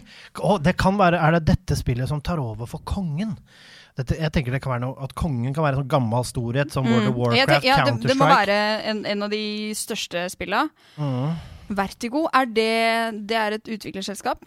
Mm, ja, det kan det være. Altså Vertigo og serversjargongen. Servere er jo sånne altså, sånn, Når man er på en server, så er det jo Men Vertigo Servere er jo Det er jo World of Warcraft. Ja, men, ja fordi, men kanskje det vi skal fram til her, er World of Warcraft. Kanskje Vertigo og serversjargongen Mm. var et tidligere MMO enn World of Warcraft! Skal vi si Vi, jeg, jeg vil eh, vi gjetter World. En, to, to, tre. World of Warcraft! Dere er veldig flinke til å si ting på likt, men det er feil. Skipper! Eh, men dere, dere tenker riktig, for vi skal jo på en måte fram til et spill som skal ta over for det vi snakker om her. Ja. Ikke sant? Ta over for World of Warcraft. Ok, Er det dette spillet som tar tronen fra kongen? Er det over for Vertigo og serversjargongen? For når fem agenter må jobbe sammen mot et punkt, og det ultes og flankes, da blir det for Counter-Strike tungt. Ja, fordi Counter-Strike var jo selvfølgelig Da ble det veldig lett, da. Men Mm. uh, Counter-Strike Vi var jo inne på det, at det var noen som skulle ta over Mhm, for Counter-Strike, og det har jo da med andre ord gjort. Dette er jo Overwatch. Det er ikke Overwatch. Ikke Fem Overwatch. agenter ult mot punktet! Du lurer meg, du. For når fem agenter må jobbe sammen mot et punkt, og det ultes og flankes, da blir det for Counter-Strike tungt. Sebastian! Ja, dere må, Det er dere må svare sammen. Ja, da, Er det Call of Duty? Nei. Nei? Jeg lurer på om det kommer et nytt et av dette her nå. Er dette Kan det være Rainbow Six Siege, da? Det kan det være. Ja, vi skal jo fram til et e-sport, en e-sport her, åpenbart. Fordi eh, lenge har det nå vært debattert at Counter-Strike er på vei til å dø pga. dette spillet. Er det LOL? Nei. Ja, altså, er ikke det type som Rainbow Six Siege, da? Jo, det er ikke dårlig tips, men det er feil. Vil dere ha fasiten? Nei! Gi meg ett Gi oss Ja, ja. Dere ti får, sekunder til. dere får med, med masse tid av meg. Faen, jeg er så dårlig på konkurranse i dag, Ida. Jeg har mista det totalt. eh, Du, eh, Vi, jeg- vi glemte å skru på aircondition før vi gikk inn her, Ja. så vi satt en halv, halv time uten oksygen. Det er derfor. Mm. Så vi har vi lider litt av Eh, det. hva, er det, hva er det som folk spiller nå som tar ut for dette her? Åh, dere kommer til å rive av dere ah, kjønnshårene når Ja. jeg sier hva det er. Det er vondt. Eh, Fem agenter tar over for, eh, tar over for eh, Counter-Strike, var det ikke det? ja, for det jobber det flankes, og jobbe sammen mot punkt. Det ultes, man går inn på punkter Er det Battlefield, liksom? Nei, men det er Nei. Ultimates, det er superkrefter her. Ja. Det er noen superkrefter eh, involvert, og det er ikke Overwatch. Og det er fuck. Dette tror jeg er god underholdning for de som hører på. Ja, eh, hvorfor står det helt bom stille? Det er ikke oksygen her, det er triks. ja. Nei, dette er ikke min, eh, Eh, min forte. Fytti katta, da. Uh, det ultes, man går sammen. Fem agenter! Uh, Det er fem Ah, Nei, agenter. men det er, det er for svært, vet du. Det kan ikke være liksom Det kan ikke være Jeg trenger et svar her nå. Ja, eh, Å, ja, øh, Men ja, ja, altså fader, nå husker jeg ikke hva det heter. Uh, Apropos Kaustik og de der, kan det være det? Da med Bloodhound og Kaustik og Ja, hadde tenkt på Apex, ja. Apex, ja. Nei, det er ikke det. Nei. Dette er Valorant. Det er Valorant, Å, ja! Selvfølgelig er det Valorant! Det er det, Valorant. er, det svir! Det er irriterende. Ja, det er klart det er vondt. Eh, jeg tror alle dere har hørt om det um, fra før. Men Kojima. sånn er Kojima-koder. Noen ganger så sitter det langt inne.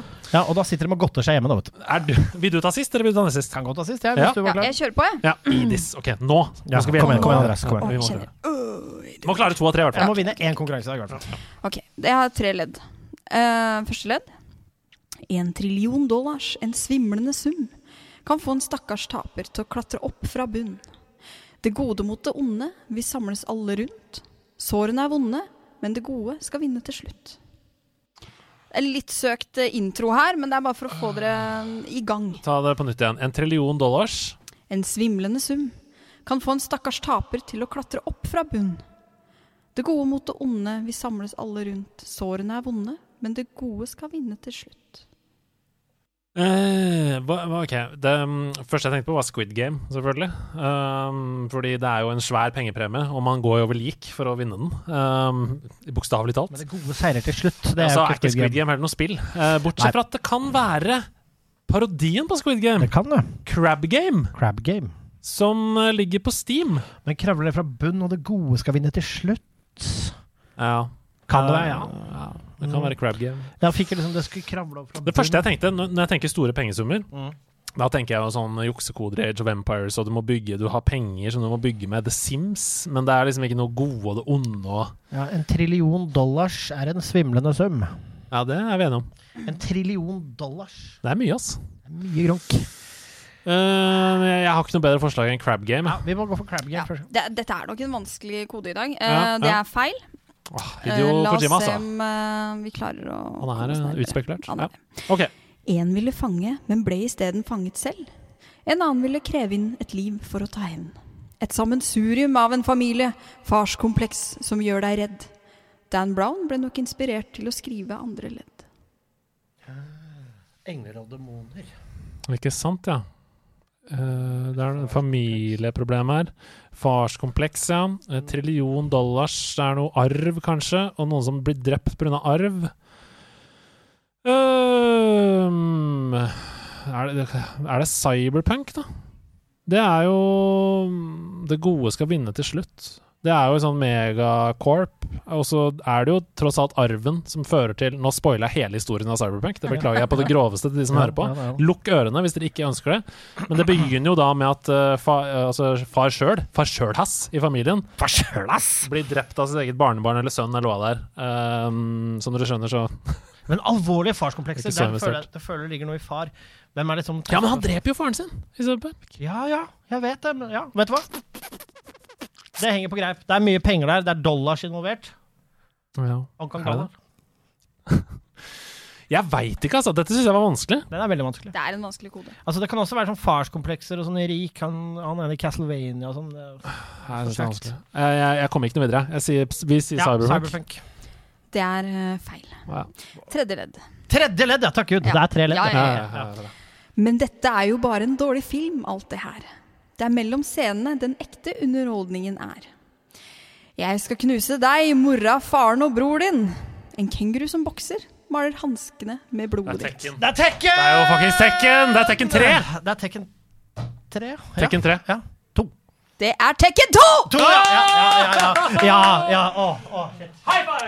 Veldig bra jobba. For det er Hayachi og Jay. Ja, og- ja, ja, selvfølgelig. ja. Og der er det masse det gode vinner til slutt, og kenguru med boksehansker. Der satt den. Og de Ja, ja. får eh, ja, Ja. og demoner. Ok, Da får vi ett poeng da, av tre Ja. mulige. Og det Sebastian. hjelper, jo, det, er jo, det hjelper jo ikke at jeg nå skal bøye reglene lite grann. Fordi vi skal fram til et spill. Mm, oi! Det, det skal vi. Men vi skal til et spill via kanskje bare å snakke om en, et vesen som eh, Via det å bare snakke om ett vesen som eksisterer. Vi skal fram til et spill ved å snakke om et vesen som eksisterer. Dette Så det er en karakter, da, kanskje? Ja, her er det bare å følge med. Ja, ja, Ja. Jeg er spent. Du må se hvor du skal, men jeg henger her oppe. Popp faller ned, det er tid for å shoppe. Jeg, du må se hvor du skal, men jeg henger her oppe. Pop faller ned. Tid for å shoppe. Um, Eneste spillet hvor jeg tenker på shopping, det Mm. er eh, Job Simulator på VR. da, det, hvor, du, hvor du shopper ting. Jeg henger her oppe, du må se hvor du skal. Uh, det er tid for å shoppe Men OK, um, vi skal frem til en karakter. Ja, jeg har skrevet to arter av første ledd hvor det er ett ord som er byttet ut, som kan hjelpe dere litt. ja, Ok, vi, vi ok, tar ok. den Ja, tar den. Du må se hvor du skal. Du må se hvor du skal. Men jeg henger her oppe. Popp min ballong. Det er tid for å shoppe. Øh, Hva, er- hvor er ballonger currency, da? Eh, Diddy Kong Racing. Ah, er Diddy det Kong Racing. Eller er det liksom type Eller er vi så enkle eller, Det er ikke liksom type Bloons Tower eller Tower Defense. Altså, der òg er det jo mm, Bloons Tower Defense, ja. Der, Der må eh, du jo shoppe når du har poppa nok fiender Ja. for å oppgradere dine Yes. towers. Der er du meget god. Oh, takk, takk, takk. takk. Det spørs. det- det svarer spørs, vi. det spørs. svarer Bloons Ja, vi prøver det. Det er så feil som det får blitt. Ah, ja, okay. Da leser vi hele igjen. Du må se hvor du skal, men jeg henger her oppe. Popp min ballong. Det er tid for å shoppe. Jeg er ikke en hovedperson i spillet jeg lever, men sier Colo Limpa Ja. mens han andre leverer. Det er Tingle vi snakker om. Det er riktig! Og det er selvfølgelig da um, Selda Windwaker vi skal fram til. Ja, det er riktig! Colo Limpa! Han henger jo i ballongen, så må du skyte han ned for å kjøpe kart! Ja, ja, For å se hvor du skal! det, Han driver med sjappa si. Den satt, den! Den satt, den, der Da får du den. fikk vi ett poeng eh, for den òg, da. Ja, dere Du gjorde det. er god, Andreas. Takk Du skal er du god, ha. og du er god, uh, Sepp, og du er god, Hidio. Og du hadde et meget godt forslag med Bluns. Ja, synes det, jeg. jeg ble imponert over den. Det var nesten som jeg bare skulle sagt 'Det er riktig!' Så det hadde blitt sensasjon. Nei, men det var Selda. Til vanlig så hadde vi vært ved veis ende her, men det er den siste av uka i måneden!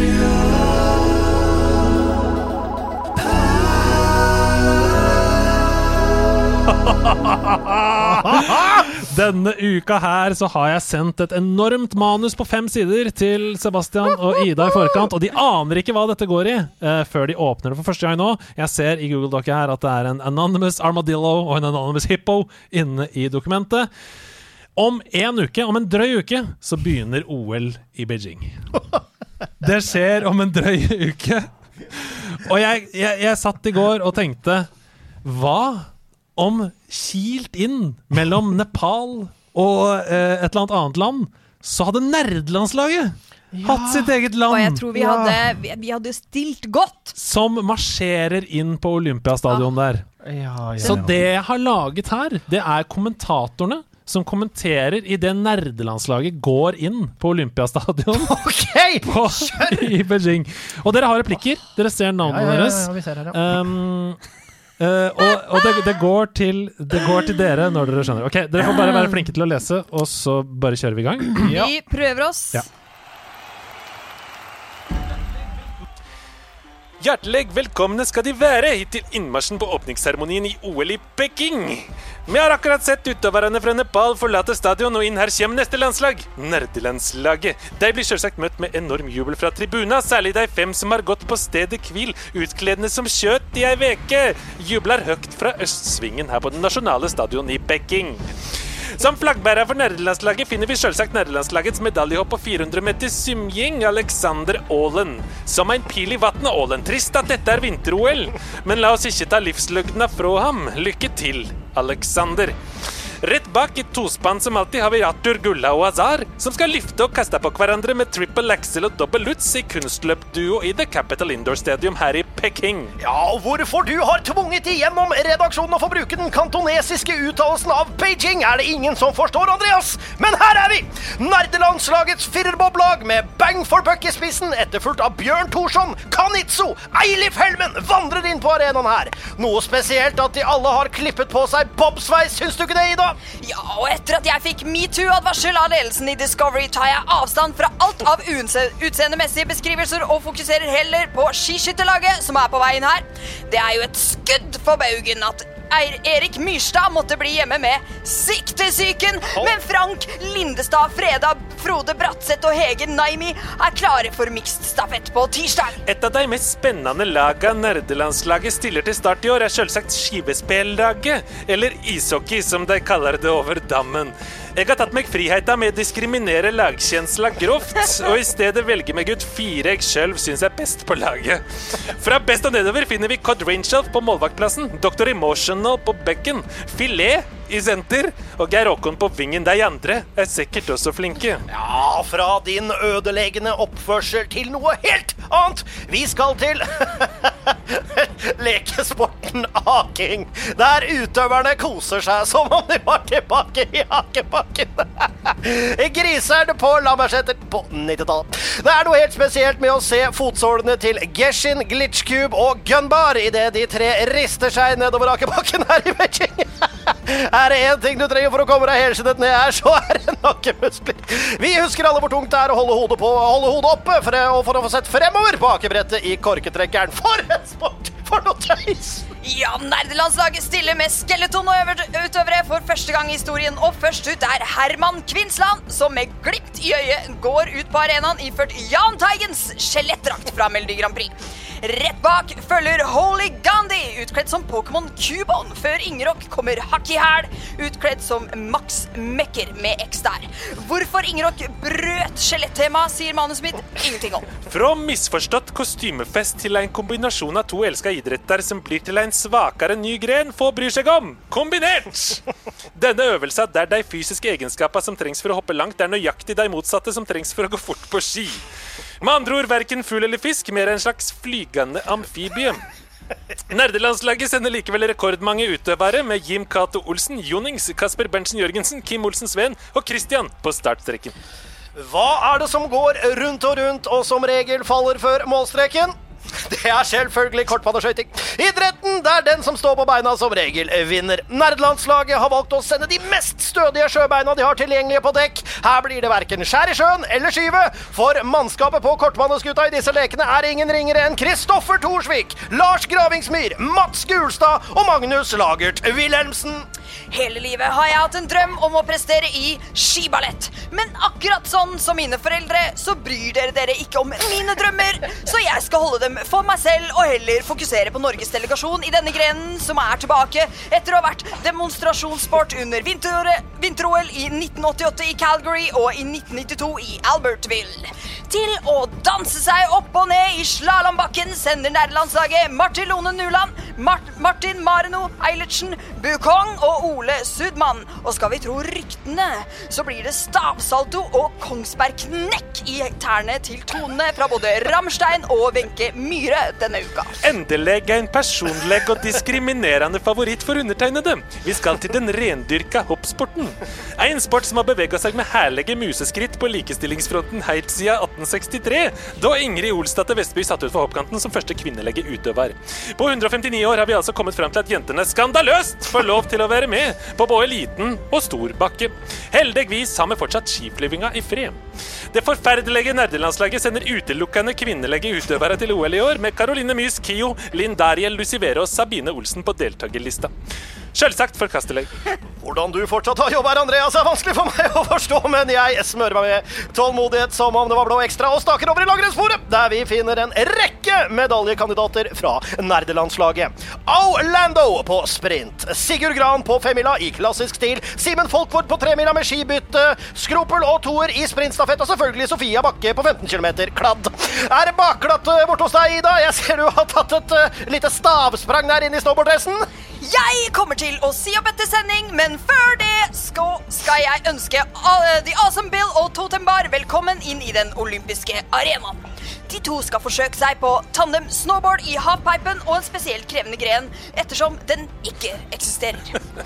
Enklere blir det nok for Simen Rognskog og Sondre Appalseth, som i slopestyle skal snike seg forbi konkurrentene med tjuvtriks som oljesøl og tegnestifter hentet fra Flåklypa Grand Prix. Helt i bakenden av feltet finner vi selvsagt de mest utrente utøverne, curlinglaget. En idrett som har gitt navn til en hel generasjon bortskjemt og selvsentrent ungdom som er mer opptatt av selvrealisering enn av å bidra til fellesskapet.